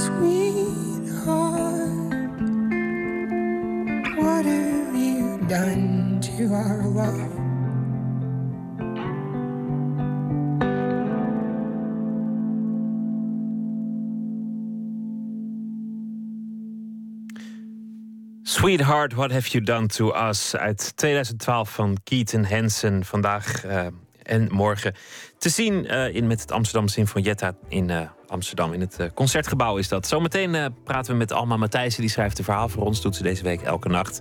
Naar aanleiding van iets wat de afgelopen dag is gebeurd. En Orange is the New Black is een televisieserie over vrouwenliefde in de vrouwengevangenis. Hanna Barefoots is een fan. Die hoort u zometeen. Twitter, VPRO NMS of via de mail nooit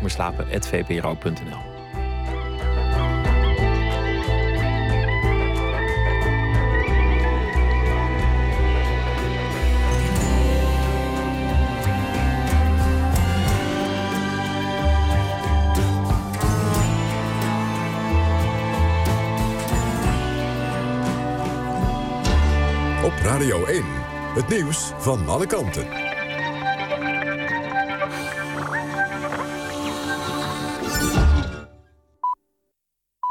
Het is 1 uur, Jeroen Tjepkema met het NOS Journaal. In de VS zijn twee broers van Pakistaanse afkomst veroordeeld tot lange gevangenisstraffen voor terrorisme. De twee hebben 20 en 35 jaar celstraf gekregen omdat ze aanslagen wilden plegen op bekende plaatsen in New York. Ook zijn ze veroordeeld voor het aanvallen van twee agenten toen ze vastzaten.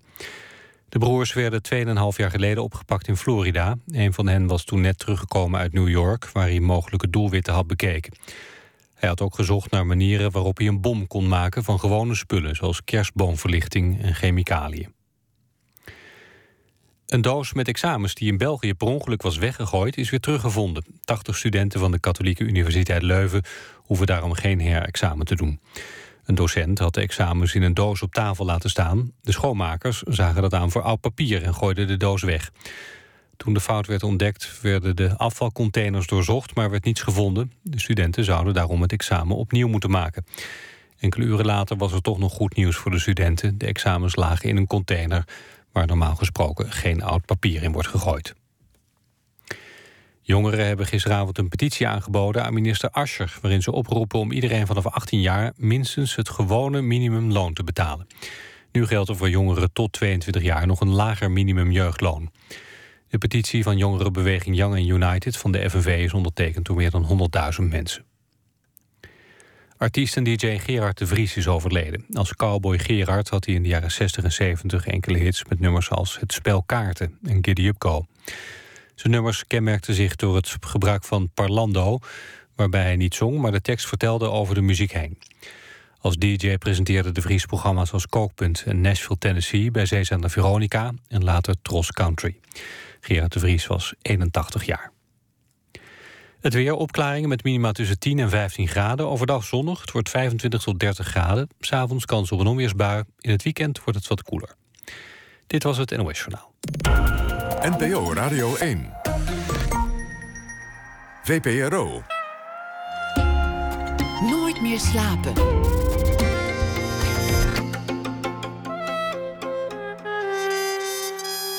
Met Pieter van der Wielen.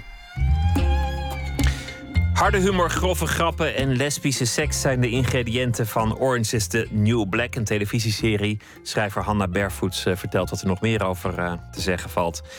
We gaan naar Huis Marseille, spreken Rob Marais, samensteller van een expositie Life is Strange. Foto's uit het verleden uit een tijdschrift met de titel Het Leven. Maar eerst Alma Matthijssen, zij is schrijver en deze week zal ze elke nacht een verhaal voordragen dat ze heeft uh, gemaakt naar aanleiding van de dag die alweer uh, een poosje voorbij is. Goedenacht, Alma. Goedenacht, hi. En wat was het voor dag? Uh, ja, het, was het was een mooie dag vooral. Uh, maar wat me opviel in, uh, in, in de media was een stukje over, in, in NRC over een, een Nederlander die was opgepakt op een berg in Maleisië... omdat hij daar naakt poseerde met een, met, een, met een groep toeristen. En die, die, die, is echt opgepakt omdat hij meedeed aan een, ja, aan een soort van geintje waar je foto's op Facebook plaatst. En dat heet dan Naked at Monuments. En dat is, ja, ik ben ook even gaan kijken vandaag op, op, op, op, op, op, op dat Facebook-ding.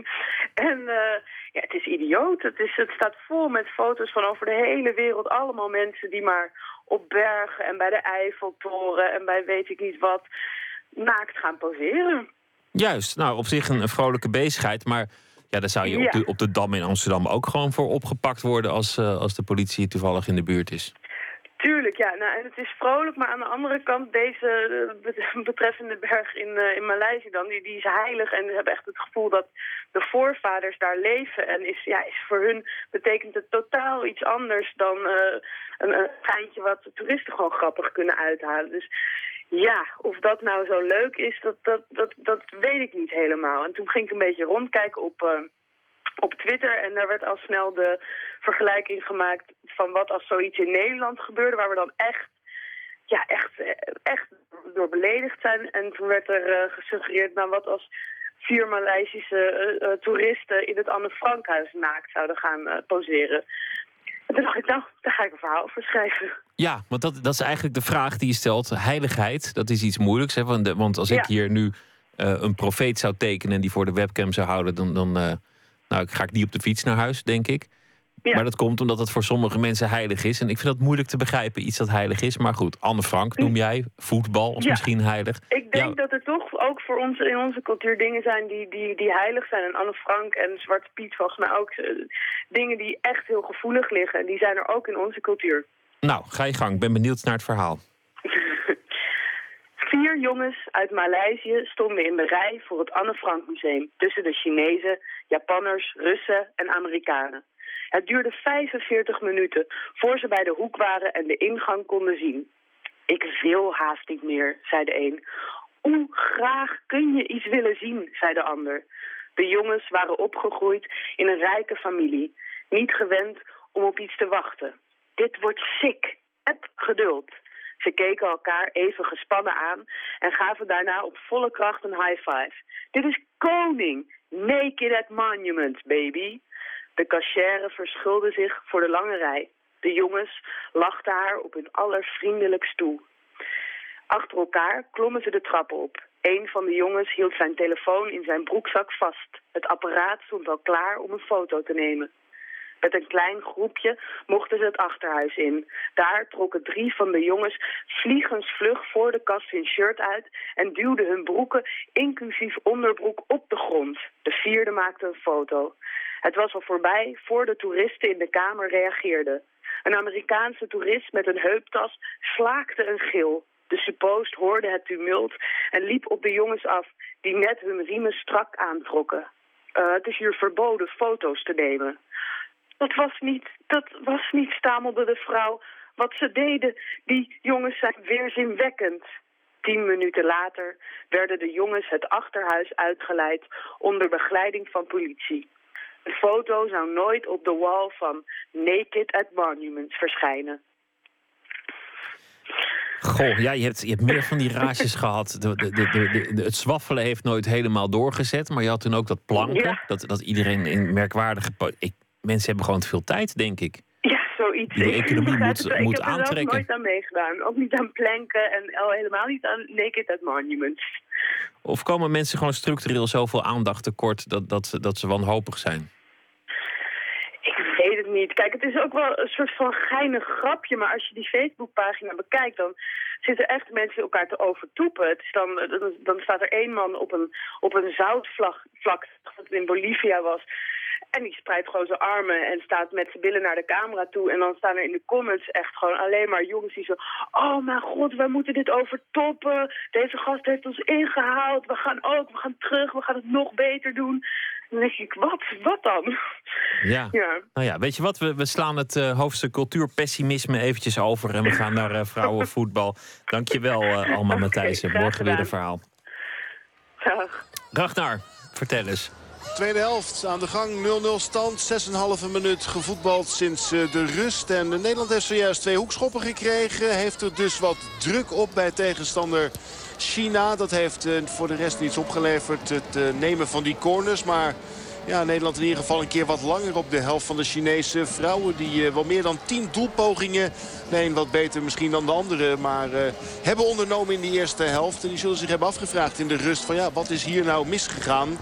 En Nederland zal zich diezelfde vraag hebben gesteld. Terwijl we wachten op een doeltrap van Fei Wang. De Chinese kiepster die uitkomt in de Bundesliga bij een club uit eh, Potsdam. Een eh, grote club turbine Potsdam in het eh, Duitse Bundesliga voetbal.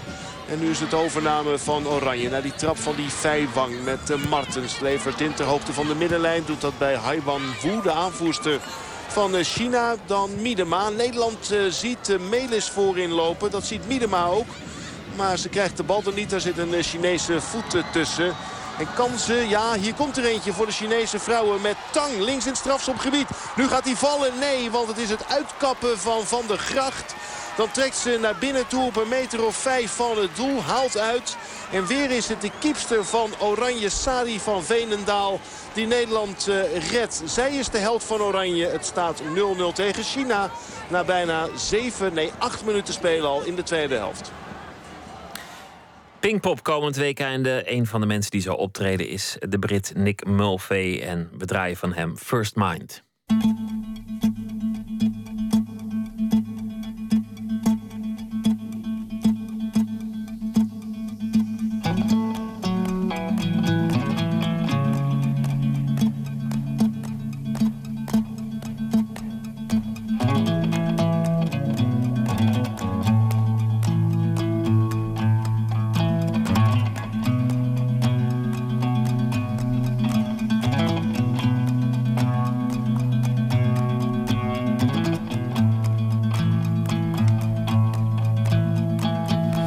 Late in the evening, I think upon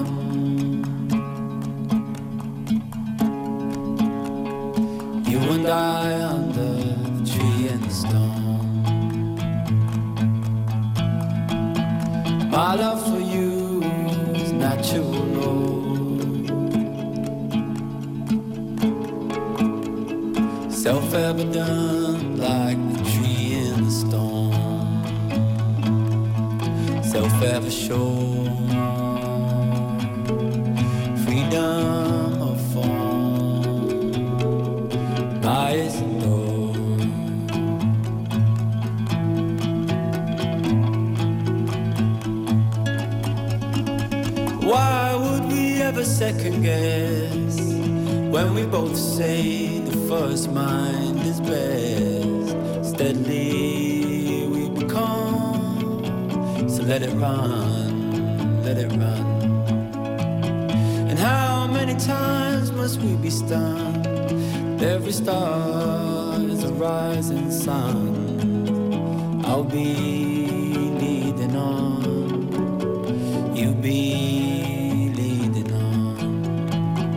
step with the forces. And spin with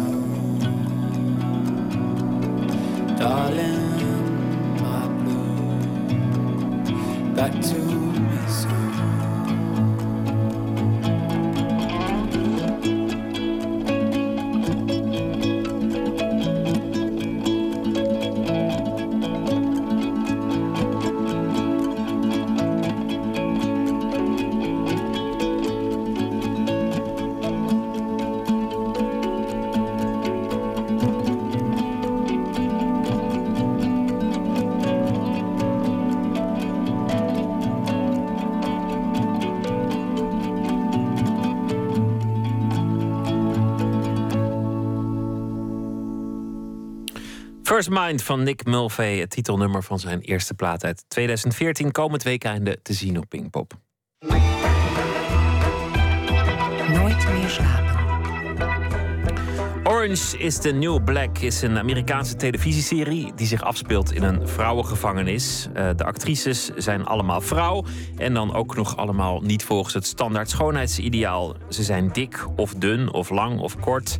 Ze zijn eh, hetero, bi, lesbisch, transseksueel en sommigen hebben een grappig oog of een, eh, of een gekke neus. Kortom, net het echte leven. Het is ook nog eh, een rauwe serie met grove grappen en veel harde lesbische seks. Seizoen 3 komt er dus aan op Netflix. Hanne Bervoets is schrijver, studeerde media en cultuur en eh, is een fan. Emmy Colau spreekt haar.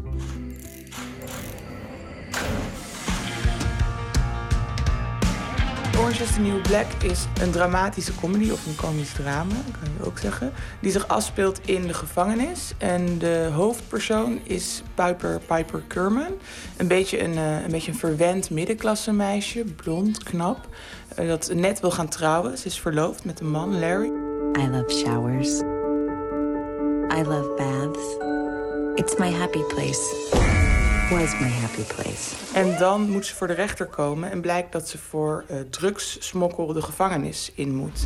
My name is Piper Chapman. Time to say goodbye. I carried a suitcase of drug money once, 10 years ago. En het geval is dat ze eh, tien jaar geleden had zijn relatie met een vrouw. En dat was een soort grote drugsbarones.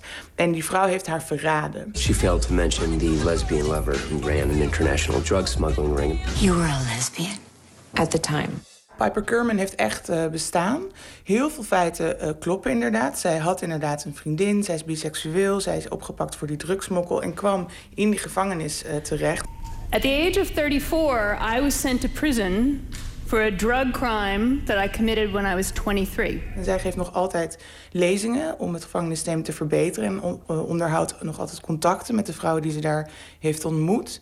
En heeft er een bestseller over geschreven. En nu is daar een serie van gemaakt. Dus zij is er ook eh, ehm, ja, behoorlijk rijk aan geworden.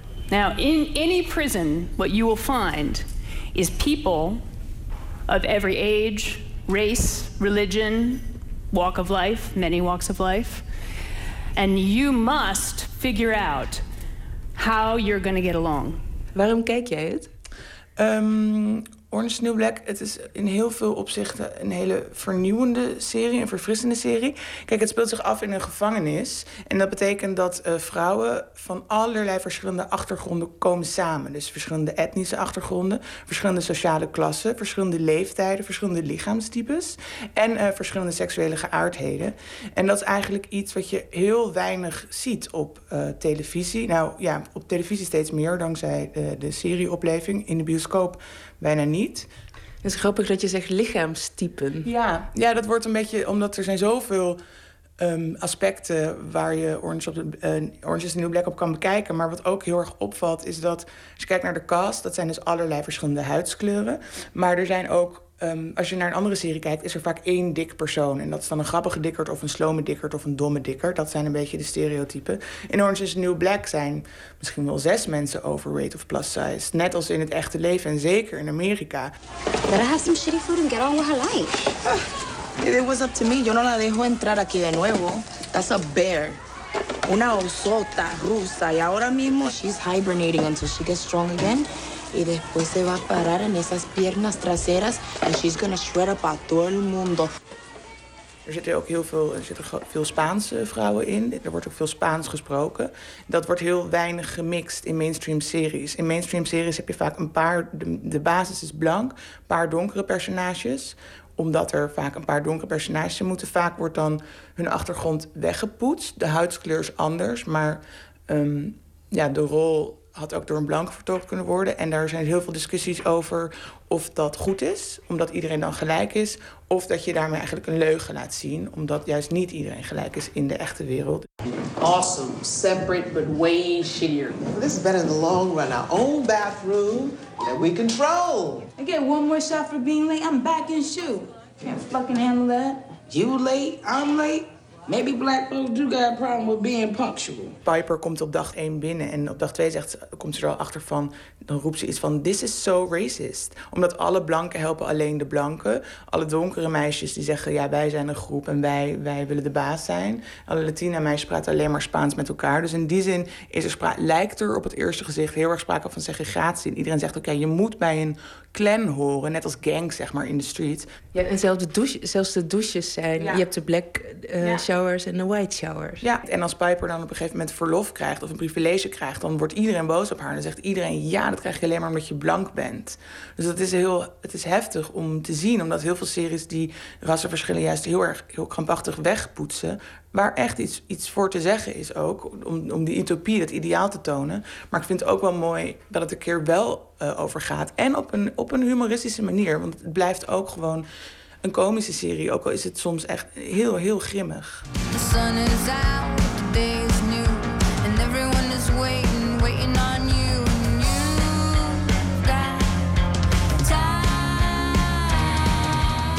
Over representatie gesproken, ongeveer de helft van de vrouwen uh, waar het over gaat in die gevangenis is lesbisch.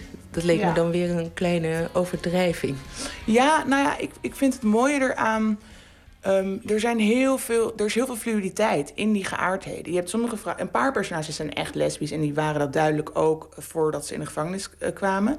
Een paar zijn, dat heet gay for the stay. Die zie je dan in hun flashbacks hebben ze eigenlijk alleen met mannen, maar nu hebben ze dan toch een prison wife.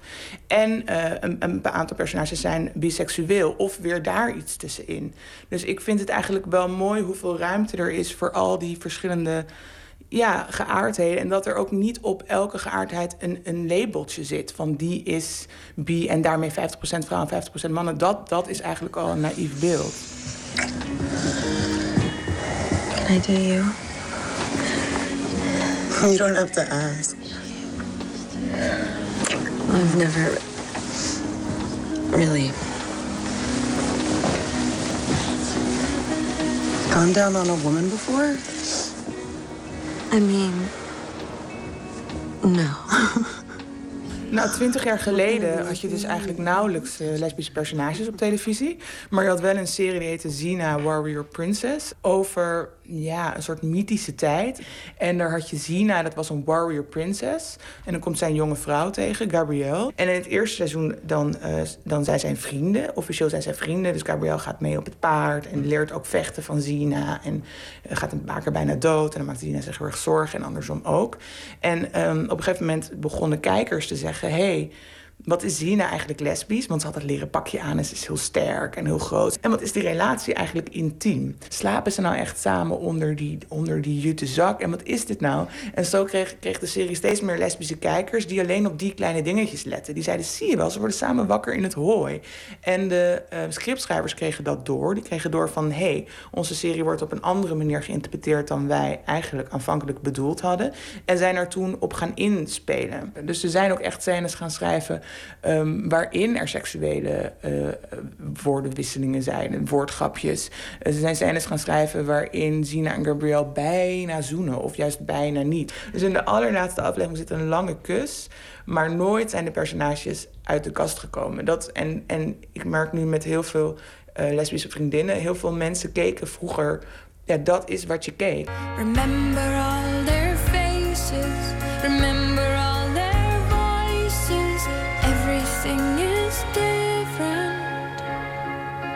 second time around. In 1997 kwam Ellen DeGeneres uit de kast in haar tv-show. Maar zij was toen al een grote ster en zij had die show toen al. En dat heeft heel veel ophef genereerde dat. Dat was echt wereldnieuws dat gebeurde. En dat was, ja, dat was 18 jaar geleden. Dus eigenlijk wel interessant dat 18 jaar geleden het wereldnieuws was... dat er een lesbisch personage was.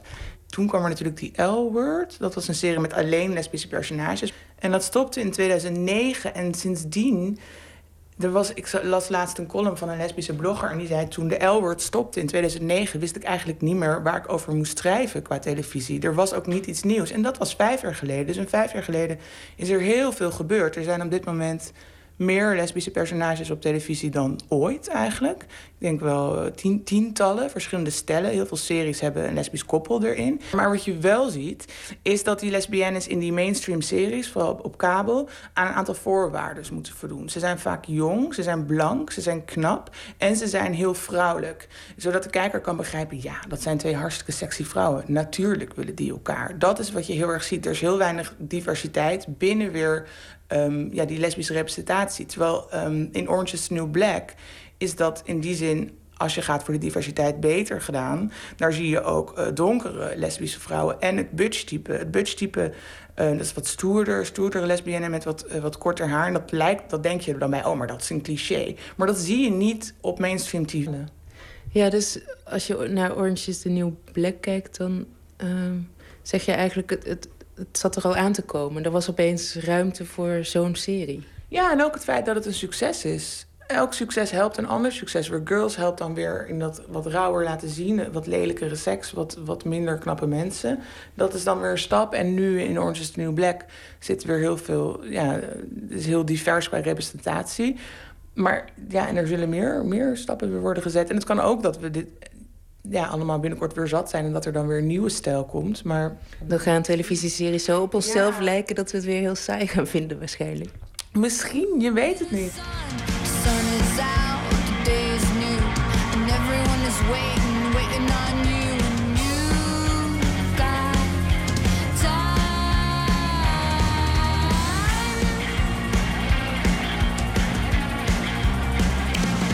Vanaf morgen op Netflix het derde seizoen van Orange is the New Black. En van Hannah Barefoots verscheen een nieuwe bundel met haar columns. De titel daarvan En alweer bleven we ongedeerd. Florence and the Machine. Het theatrale wordt niet geschuwd, maar van bombast blijft ze liever weg. Florence Welsh heb ik het over. Nieuw album, How Big, How Blue, How Beautiful. En daarvan draaien we Storm and Saints.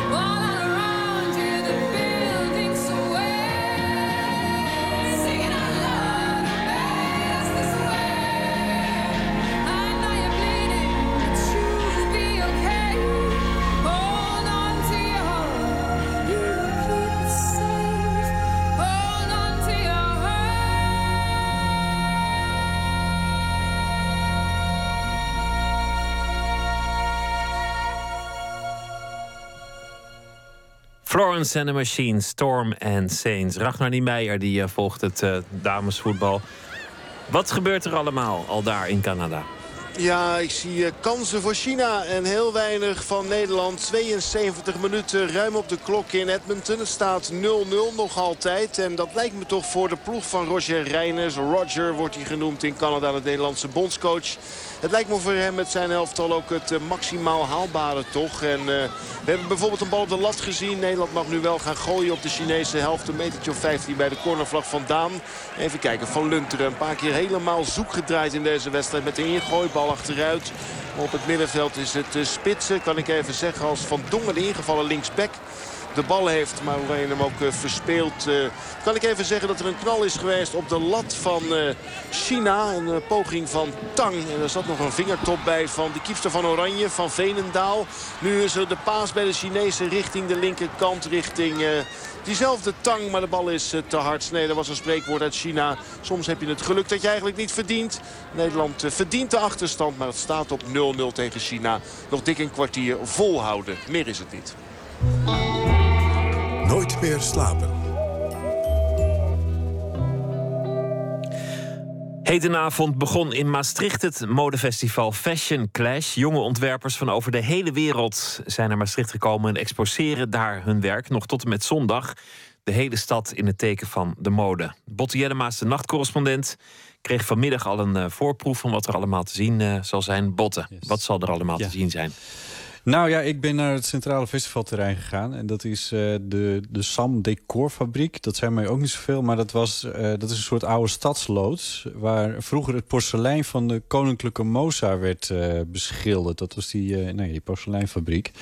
Um, ze waren nog volop aan het bouwen daarbinnen. Maar vanavond gaat het al van start. Dus het, het, was in de laatste fase. Ik kreeg een rondleiding langs een paar exposanten. Ik, ik kan je zo even meenemen naar wat verschillende.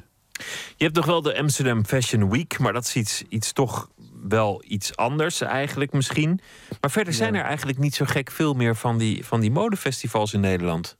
Je had eh, de Biennale in Arnhem, maar die is er eh, twee jaar geleden, was dat de laatste. Die zou dit jaar weer aan de beurt zijn, maar die, eh, die doen het niet meer. Die, hebben, die hadden een te groot financieel tekort. Ehm, ja, dus dan heb je nu eigenlijk twee. En dit is, deze is relatief onbekend, de Fashion Clash. Maar het is dus wel een van de twee modefestivals in, eh, in Nederland. Ehm, als je naar de namenlijst kijkt van de Fashion Clash... dan is het heel onwaarschijnlijk dat je er een bekende tussen ziet staan. Want ze richt zich namelijk heel erg nadrukkelijk op jong talent. En dat onderscheidt ze dus ook wel van de Amsterdam Fashion Week. Eh, hier komen uit 30 landen de eh exposanten. En die houden zich ook niet uitsluitend met mode bezig. Ehm, nou ja, ik, laten we eventjes een paar aflopen. Ik heb eh, een paar ontmoet. Een van de drie initiatiefnemers eh, is eh, Branko Popovic. Hij is ermee begonnen, studeerde ooit aan de modeacademie in Maastricht. En toen hij klaar was, toen vroegen hij en zijn collega's zich af... eh, waar ze hun werk eh, zouden kunnen presenteren. En toen dachten ze, ja, dat gaan we dus maar gewoon zelf doen. Hebben ze dat Fashion Clash zeven jaar geleden opgericht. Eh Branko geeft het festival elk jaar een thema mee. En dit jaar is dat Gender Celebration of Diversity and Self-Expression. Wij willen eigenlijk niet de wereld veranderen, maar we willen vooral mensen dat ze even over nadenken. Maar wat betekent het eigenlijk om man of vrouw te zijn? En via mode druk je je identiteit uit. Eigenlijk moet iedereen de privilege kunnen hebben om te zijn wie ze zijn. Maar dat is natuurlijk helaas niet zo op deze wereld. Dus wij eh, proberen hiermee gewoon mensen even te prikkelen om daarover na te denken. Ja, het verschil tussen man en vrouw hebben we het dan natuurlijk over. Grappig is dat de organisatoren hebben geprobeerd, vertelde Branko mij... eh, om op het hele festival unisex toiletten te hebben. Dus niet meer gescheiden toiletten. Maar dat mag niet. Dat mag volgens bepaalde festivalwetten niet. Gemeentewetten, gemeenteregels. Ehm, eh, wel proberen ze eh, om je op verschillende manieren anders naar de wereld te laten kijken. Wat ik, wat ik al grappig vond met iets heel simpels... als bijvoorbeeld de inrichting van die hal. Je zou zeggen, doe dat efficiënt, zet het allemaal een beetje recht. Nee, alles is 45 graden gedraaid ten opzichte van de muren. 30 verschillende landen, allemaal jong talent. Noem eens wat, eh, wat voor mensen we het over hebben. Nou, bijvoorbeeld eh, Lotte Milder, een eh, student aan een performance academie. Zij maakte een soort catwalk show, maar dan net wat anders. Ze maakte iets dat op de rand is van podiumkunst, theater, licht, fashion en film. Eigenlijk is het een kleine evolutie die gaat plaatsvinden op de catwalk. De mensen komen binnen, het beweegt al, er is, de mensen zijn al op, de spelers. En langzaam transformeert dat de catwalk af. Wat is het element eh, fashion in deze show? De kostuums zijn gemaakt op, in een combinatie met beweging, eh, mens en materiaal, vorm. Dus in die zin ehm, zijn de kostuums ook heel erg gemaakt op eh, de vormen van de beweging. Ja, mensen en materiaal, dat komt dus bij, dat komt in haar show samen. Nou, een andere artiest die op grensvlakken van disciplines werkt is eh, Nina Willems. Van haar was een grote ton te zien eh, eh, met een diameter van zo'n 5 meter waar je in kan stappen. Aan de buitenkant hangen geweefde tapijten. En ze doet onderzoek naar hoe, je, eh, hoe mensen met kleding vormgeven wie ze zijn. En als je in haar ton staat, dan eh, word je geïnterviewd en gefilmd. Ja, eigenlijk is het zo begonnen dat ehm, ik die filmpjes die ik maak, daarvan geef ik eh, een aantal aan jonge modeontwerpers. En die verweven als het ware het verhaal dat die persoon in het filmpje vertelt in een nieuwe outfit die eh, die persoon weer gaat dragen. Nou, dan word je dus een soort van hyperbewust van wat je aantrekt uiteindelijk natuurlijk. En de derde kunstenaar die ik tegenkwam vanmiddag al even... dat eh, was heel bijzonder, dat was eh, Flora Miranda. oorspronkelijk uit Oostenrijk. Zij heeft een doek van 25 meter beschilderd... met vrij expliciete afbeeldingen. Ik heb sowieso van seksualiteit gewerkt. En ik heb een heel grote recherche gedaan van eh, wie het internet eh, onze seksualiteit verandert. En Daarom heb ik dan eh, willen kijken hoe kan ik op de computer eh, schilderen en intense ervaring creëren. Dus dat je eigenlijk niks aanraakt, maar dat het dan toch wel nog een heel lustvolle ervaring is. Ja. Of zo. Ja. Een lustvolle ervaring, dat klinkt, klinkt meteen heel goed, Botte. Wat Ja, zag je? Nou ja, het was een, een, een heel kleurrijk en groot schilderij, die 25 meter dus. Met eh, daarop over elkaar heen buitelende lichamen en lichaamsdelen. eh, delen uit de schaamstreek hebben we het dan eh, ook vooral over. Vloeistoffen, organische kleuren en vormen. Ik heb een foto op Twitter gezet, daar kun je, het, kun je een stukje ervan zien. Die 25 meter kreeg ik er niet helemaal op. Ehm, de vraag die Flora Miranda stelt is of de digitale wereld nog emotioneel kan zijn. En dat zoekt ze dan even in het extreme, in de seks. Ehm, want ja, dit schilderij is dus een computergemaakt schilderij. En dan zijn we pas in de centrale hal. Dan hebben we meteen een lustvolle ervaring met delen van de schaamstreek. Maar we moeten nog de hele stad Maastricht door. Nou ja, op eh 30 plekken in de stad en onverwachte plekken ook. We werken met culturele instellingen samen. Heel bijzonder, een tentoonstelling in, in het Bonnefante Museum. Eh, samenwerking met Mares, samenwerking met Bureau Europa. Maar ook de Bijenkorf, waar we een expositie hebben, showpieces. Eh Dominicanenkerk in de boekhandel is werk van de studenten van de academie te zien. Maar ook heel veel winkels, eh, zoals PL Line, die dan gewoon plek geven in de winkel aan een ontwerper. En op die manier creëer je een veel groter engagement. En ook heel veel mensen die waarschijnlijk gaan winkelen en denken... oké, ik heb niks met een mode-event... zullen het wel zien en zullen wel zien dat, dat er ook andere soort mode is. Nee, het is geen B-programma, zegt Branco, maar het gaat heel Maastricht door. Het is echt daar in heel Maastricht een volwaardig onderdeel van het festival. Geen B-programma, maar ook niet echt een, een een programma met hele grote namen. Geen grote modenamen. Het is een festival waar eh, grote namen moeten ontstaan, zo zei Branco tegen mij. Ik kijk echt ernaar uit om iedereen's werk te zien. We hebben ze natuurlijk geselecteerd uit heel veel anderen die zich ook hebben aan- aangemeld. De mensen die hier staan, is eigenlijk al heel bijzonder dat ze, dat ze erbij mochten zijn. Wellicht zit er hier een, nieuwe Victor Rolf bij. Je weet het nooit. Ja, maar dan misschien wel een eh, multidisciplinaire Victor en eh, Rolf. Want de exposanten die ik ontmoette, die, eh, die, ja, die, die, die werken echt op de randen van hun disciplines en op andere disciplines. Ehm, en ze zeiden allemaal tegen mij, het, het is een ideaal platform, de Fashion Clash, om hun werk te tonen. Want ja, het is niet in één discipline te, te, te vatten. En dat is met eh, ja, al die festivaltjes die we in Nederland hebben... die zich heel specifiek op iets richten... is dat soms lastig om eh, hun werk te presenteren. En daar kan het wel. Fashion Clash, dus eh, nog tot en met zondag door heel Maastricht zo'n beetje. De centrale plek is de designfabriek vlakbij het station. En daarna kan je de hele stad door. En je kunt ook gewoon kaartjes kopen voor de modeshows. Ook wel eens leuk dat je niet genodigd hoeft te zijn. Nee, precies. Nee, dat, eh, ja, dat, dat benadrukte Branco ook. Hij zei van het is allemaal heel low profile. Het is, het, is natuurlijk heel anders dan wat je bij de Fashion Week in Amsterdam hebt. Dat is relatief besloten. De exposanten die daar op de catwalk willen, die moeten ook eh, nou, duizenden euro's betalen om daar überhaupt eh, iets te mogen tonen. Dat is bij hun heel anders. Daar gaat het, geloof ik, een paar honderd euro. Ehm, het is, een, het is een heel ander festival. Het is, het is echt veel meer low profile. Dus hij zei zelf van we hebben heel veel eh, journalisten uit het buitenland, maar gek genoeg nog niet zo heel erg veel uit, eh, uit Nederland. Nou, daar heeft nooit meer slapen dan eventjes iets aan veranderd, denk ik. Dankjewel, Botte Jellema. Hele goede nacht. Goeienacht. Uit Montreal, Canada, Folly and the Hunter. Ze hebben één album gemaakt met de titel Tragic Care uit 2014. Waarvan we draaien There Are No Great Redeemers.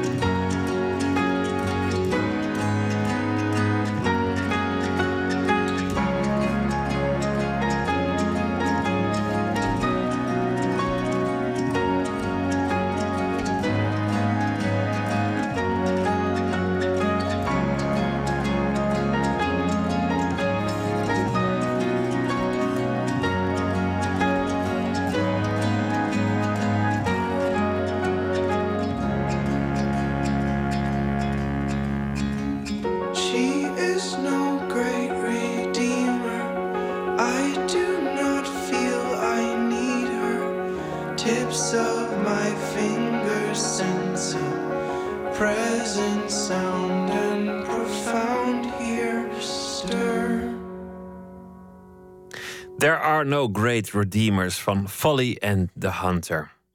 We gaan weer naar het eh, vrouwenvoetbal. Ragnar Niemeyer is eh, in Canada, Nederland, China. Slotfase, nog een eh, dikke 2,5 minuut. 0-0 stand. Chinezen komen weer aan de linkerkant van het veld. En ja, de bal wordt niet binnengehouden. Daar komt Nederland opnieuw goed weg. Nederland heeft ontzettend veel geluk gehad in deze wedstrijd. Want zojuist weer een uitgespeeld moment van Yoon Ma. Een eh, vrije speler links in het Nederlandse strafschopgebied. Bal terug. Ja, tot op een meter of eh, vijf voor het doel. Een open kans toch en overgeschoten. Geen idee waarom Nederland zoveel geluk afdwingt in deze wedstrijd. Maar eh, het zou dus na die overwinning in de eerste wedstrijd tegen Nieuw-Zeeland op vier punten kunnen komen. Als het nog een minuut of twee stand houdt. Plus een minuutje of twee extra tijd. Als Canada dan zijn tweede wedstrijd vandaag wint. Dan is Nederland gewoon door als nummer twee in de groep. En doet de laatste groepswedstrijd er niet zoveel meer toe. De Chinezen geven nog wel een keer gas aan de rechterkant van het veld. Met uh, Liu Wang is er ruimte om te schieten van een meter of 16. Ja, dat is er wel voor een andere Wang. Maar die poging wordt geblokt. En dan de bal oh, karamboleert nog bijna in het Nederlandse doel. Als Nederland denkt uh, op te ruimen achterin. Uiteindelijk ligt weer die kiepster van Veenendaal bij de bal, op de bal. Kleine kansjes gezien wel voor Lieke Martens. En één keer een schotje van Miedema. Maar uh, ja, 0-0. En daar moet Nederland tevreden mee zijn. Als het tenminste nog anderhalve minuut plus extra tijd volhoudt. Nooit meer slapen. Het leven is raar, life is strange is de titel van een expositie vanaf morgen te zien in Amsterdam in Huis Marseille. Een expositie van foto's opgediept uit het archief van een tijdschrift met de titel Het Leven. Dat heeft bestaan tussen 1906 en 1941. Verslaggever Anton de Goede ging vast kijken en sprak voor de opening met samensteller en met de curator.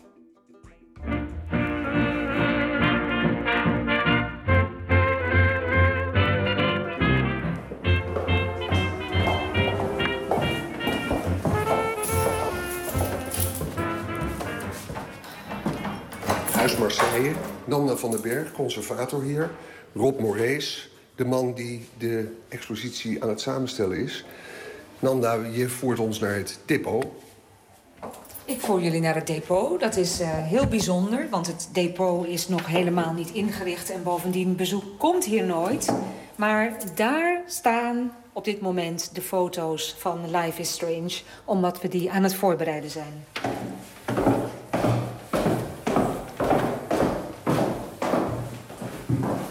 Dit zijn dus, ja, nou ja, je doet, luisteraars kunnen denken... nou, maakt ze er een beetje een mooi showtje van. Het zijn toch maar, toch maar foto's. Ah. Maar we hebben het hier over Unica, toch? Die uh, geen kopieën... Hoe zit dat precies? Hoe zit dat precies? Nou, dat... Uh, we hebben het hier inderdaad over foto's die afkomstig zijn... uit de collectie Spaarnestad van het Nationaal Archief in Den Haag. En als iets uh, behoort tot het Nationaal Archief, alleen al, hè, buiten het feit dat het inderdaad allemaal unica zijn en unieke foto's, dan dien je daar op een hele bijzondere manier mee om te gaan.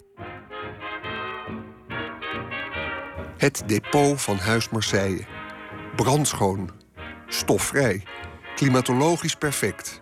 Hier staan de 235 ingelijste zwart-wit foto's, geselecteerd door Rob Morees. De kanaalzwemmer die de oversteek net niet haalde. Vlaamse dorpelingen die Maria zagen verschijnen. De Koreaan die trouwde met de as van zijn overleden verloofde. De wereld in beeld, volgens het tijdschrift Het Leven. Dat was alles. Er waren waanzinnige uitvindingen. Er waren oorlogsfoto's. Er was variété, er waren waarzeggers, er waren helderzienden. Wat je ook maar kan voorstellen. En misschien ook wel omdat het een populair tijdschrift was... door wetenschappers altijd een beetje voor onachtzaam. Ja, het is maar een, uh, een nou, suggestie die ik nu doe. Nee, maar dat, dat, klopt wel. Ik denk ook in de, in de kunstwereld of in de fotografiewereld... wordt daar een beetje op neergekeken. Want dat zijn eigenlijk anekdotische foto's. Hebben geen pretenties, voorkomen pretentieloos. Uh, bijna alle fotografen zijn ook naamloos. We hebben geen idee wie het gemaakt heeft. Het is gewoon ondenkbaar tegenwoordig. Dat is wat mij juist ontzettend aansprak. Het, het zijn foto's die helemaal niet bedoeld zijn voor galeriemuren... of in wezen uh, met enorme pretenties erachter. Het zijn allemaal foto's voor iedereen die houdt van het leven en benieuwd is naar het leven. Letterlijk het leven. Nanda van den Berg, hoe zou jij de, de waarde willen typeren van deze collectie? Die waarde van deze collectie zoals die hier staat... die eh, is ten eerste eh, heel erg te danken aan de selectie van Rob. Want ehm, het hangt er heel erg van af wie je op zo'n 10 miljoen foto's eh, afstuurt. De een komt met oudbollige dingen aan en de ander komt met anekdotiek aan. Dat is heel makkelijk om het eh, die kant eh, uit te trekken. En wat Rob heeft gedaan is juist iets naar boven te halen... dat een, een, een soort beeld schept van een soort condition humaine... die eigenlijk gelijk is aan wat we vandaag de dag allemaal meemaken. Want ik heb eh, er eens op gelet en een paar eh, dagen geleden stond de NRC een, een hele bizarre foto van een eh, chauffeur in Puerto Rico die was overleden en die op zijn verzoek was opgebaard eh, eh, achter het stuur van zijn taxi en met zijn hoed op. En ik zag later een soort techno-geek, eh, een mevrouw die poseerde met haar Google Glass bril, die inmiddels uit de productie is genomen. En dat zijn eigenlijk een soort microgeschiedenissen die vergelijkbaar zijn met wat hier staat. Maar wat is nou het bijzondere? Eh, Rob heeft het uitgekozen.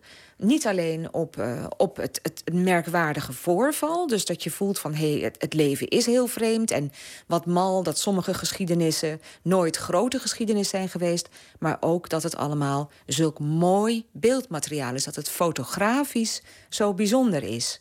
Bijvoorbeeld deze, dat is dan een van mijn favorieten. Ik hou nu een foto omhoog in een mooi grijs geschilderd lijstje van een soort afpersbriefje van eh, ja. Vertel eens, Een Rob, kom eens bij. kidnapping? Wat, wat is dit? Dit is een, eh, een, een, een, een chantagebrief. Eh, iemand, een kind is gekidnapt. En eh, degene die dat kind ontvoerd heeft, heeft een brief gestuurd. eh, helemaal samengesteld uit kantenstukjes. Helemaal woorden op elkaar geplakt. En dat geeft een collage waar eh, Max Ernst uh, jaloers op zou zijn, denk ik. Het is inderdaad eh, uiteindelijk een foto van een collage, maar het is eh, gewoon een, work of modern art. Het, eh, prachtig op de manier waarop, waarop die stukjes papier verdeeld zijn en waarop ze een soort materialiteit krijgen en een schaduw als een, als een kunstwerkje eigenlijk. Zoals het Terwijl nu het uit een eh, politiedossier komt. Het komt niet uit een museum, het komt uit een politiedossier. Het haalt de, de inherente, bijzondere aspecten van het werken met beeld en tekst... haalt het via deze foto's, via de keuze van Rob, naar boven. Ik ben gefascineerd door de keuze van Rob. En ik sleep hem mee naar de bibliotheek van Huis Marseille. Rob, hoe komt het dat jij zo goed kan kijken? Ik eh, was een keurige jongen en woonde in een keurig huis in een keurige straat in Oosterwijk. Toen ik een jaar of 10, 11 was. Door familieomstandigheden ehm, kwam ik ineens in een andere locatie te wonen. Dus uit het keurige Oosterwijk met zijn vennen en zijn prachtige bossen... belandde ik eens als, tienjarige belandde ik ineens in een compleet achterlijk dorp in het Bommelerwaardgebied. Echt een zwarte kousengebied. Dat werd mijn nieuwe wereld. En ik vond het om te, om te stikken. De hele mentaliteit. Eh, mensen waren totaal niet geïnteresseerd in de buitenwereld. En dat vond ik als stadskind vond ik dat lastig. Op een gegeven moment kreeg ik contact met een vriendje, zoals dat gaat, op het voetballen. En ik reed met hem een keer mee naar huis toe. En die familie, die had het niet breed. En de familie verdiende geld bij door leesmappen rond te brengen. En ik kwam bij die familie in de kamer. En ik kreeg een hele kopje thee aangeboden. En ik keek naar de voorkamer en ik zag er allemaal tijdschriften liggen. Helemaal bezaaid. En ik vroeg wat dat was. En hij legde uit dat, dat zij de leesmap rondbrachten. Ik besloot op dat moment onmiddellijk dat hij mijn boezemvriend zou worden. Dat, dat werd mijn boezemvriend. Want hier wilde ik niet meer weg. En wat ik toen elke week deed... elke week kwam een busje voorrijden met een nieuwe voorraad bladen. Allerlei soorten bladen, veel foto's erin. En ik heb daar uren zitten kijken. En vanuit dat verstikkende dorp kon ik via die bladen... via die fotografen die er ooit foto's van gemaakt hebben... uit Amerika en Rusland en, en Frankrijk... ontdekte ik dat er een godzijdank een wereld is die groter is dan boerdorp. En dat is nooit weggegaan. Dat je dus een soort... De ramen gingen open. Want je, je moet je voorstellen, in die periode... internet had er nooit iemand van gehoord. Op de tv waren wat flauwe spelletjes. En om 11 uur deed de dominee deed het licht uit op de tv. Dus dat had geen enkele betekenis. En deze foto's die zorgden ervoor dat de ramen opengingen... dat je begreep dat er de wereld ongelooflijk groot en on- ongelooflijk vreemd is. En dat voor mij is dat een soort survival geweest. Dat is nooit meer weggegaan. En je zegt persoonlijke omstandigheden waren de kern van, waren de oorzaak van die verhuizing. En wat waren dan die persoonlijke omstandigheden? Eh, mijn vader stierf op jonge leeftijd. En mijn moeder rechtrouwde met een boer. En ineens werd het hele gezin opgepakt en werd naar een boerderij gebracht. Die helemaal, een boerderij die helemaal apart stond in een polder. Dus ineens was ik opgetild uit mijn kennissenkring, mijn vriendjes, de wereld. Ik vond Oosterwijk een geweldig dorp. Zit je ineens in een platteland waar de mentaliteit verschrikkelijk is. Iedereen zwijgt, niemand zegt waar het over gaat. En een boerderij waar ook veel vreedheid is naar dieren toe. Of een compleet andere cultus. En het is natuurlijk zo, als je boerenjongen bent, je weet niet beter. Maar ik was een stadskind, die komt daar ineens in. Dus dat contrast heeft natuurlijk mij de ogen geopend. En dat is de reden waarom dat ik natuurlijk met die blik... Jij vraagt ook, waarom is Schoppenreis dan geschikt om deze collectie te maken? Met die ogen, die heb ik nog steeds. Ik heb veel gelezen, veel gezien, veel gereisd in mijn leven daarna. Maar mijn ogen zijn in wezen nog hetzelfde. Ik kijk naar dit soort wereld die nauwelijks te begrijpen is... maar wel fascinerend is.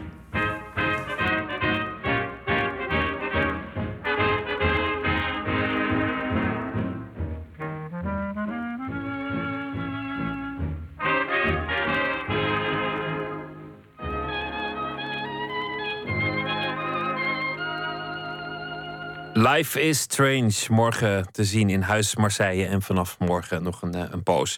Een museum voor fotografie in Amsterdam. U hoorde Rob Morees, de samensteller. En ook Nanda van den Berg, de curator. En sinds kort ook eh, directeur van het museum. Ja, werd er toch nog eh, gescoord bij het vrouwenvoetbal. Ragnar, wat, ge- wat gebeurde er nou? Nou, een, een goal voor China. Nederland heeft die wedstrijd, eh, die tweede groepswedstrijd op het wereldkampioenschap met eh, 1-0 verloren. Precies eh, een paar tellen in de extra tijd. Er kwamen drie minuten extra tijd bij, was aangekondigd. De 90 minuten waren net voorbij toen er vanaf de middenlijn een lange bal werd verstuurd door En die bal viel eigenlijk achter de ingevallen linksback van Nederland. Van Dongen, die was haar tegenstander eh, kwijt. Pakte ook de bal niet. En uit de rug van die Van Dongen dook in het strafschopgebied opeens Lisi Wang op. Een van de wangen in de Chinese ploeg. En eh, ja, die had vervolgens geen probleem om toch die uitstekende Nederlandse kiepster van Velendaal eh, van dichtbij te passeren. Een dekkingsfout. Een eh, ja, misser van de ingevallen Van Dongen kwam voor hoge woning die er geblesseerd vanaf moest in de loop eh, van de tweede helft. Maar eh, ja, een terechte nederlaag. Wel op een heel naar moment natuurlijk voor Nederland. Maar de ploeg heeft heel weinig te vertellen gehad in die wedstrijd tegen de Chinese vrouwen. En krijgt dan op een heel naar moment, maar wel terecht het deksel op de neus. 1-0 nederlaag. Dankjewel, Ragnar Niemeyer. Maria van Dalen zal deze week eh, elke nacht een gedicht eh, uitkiezen en voordragen. Ze is zelf ook dichter, meerdere bundels gemaakt. Ze heeft eh, gekozen voor een gedicht van Jan van Hulst met de titel Egidius.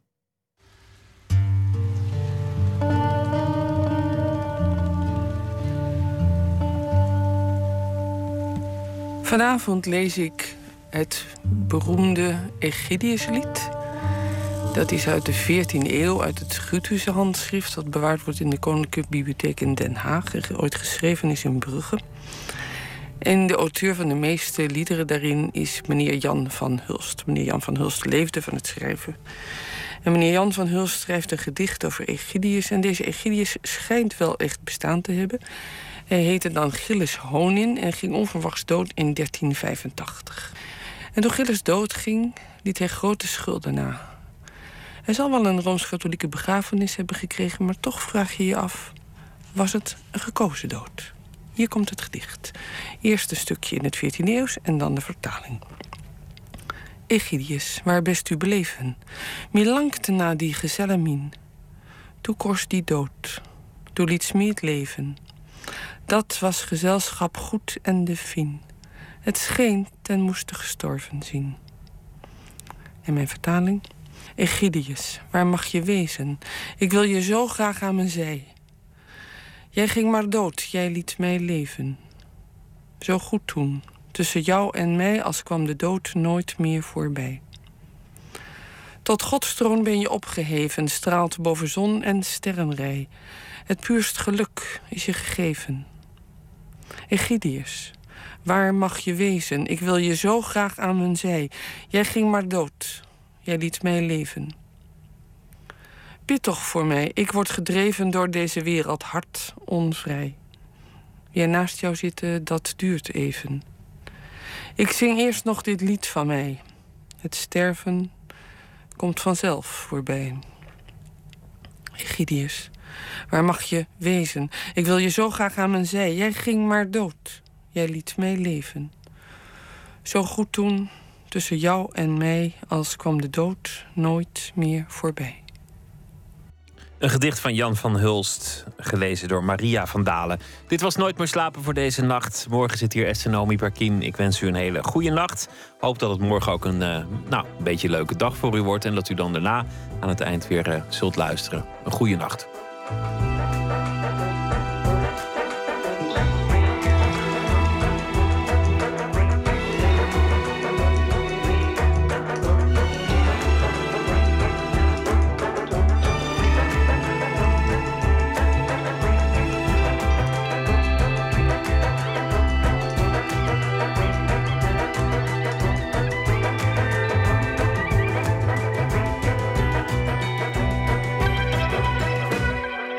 Radio 1, het nieuws van alle kanten.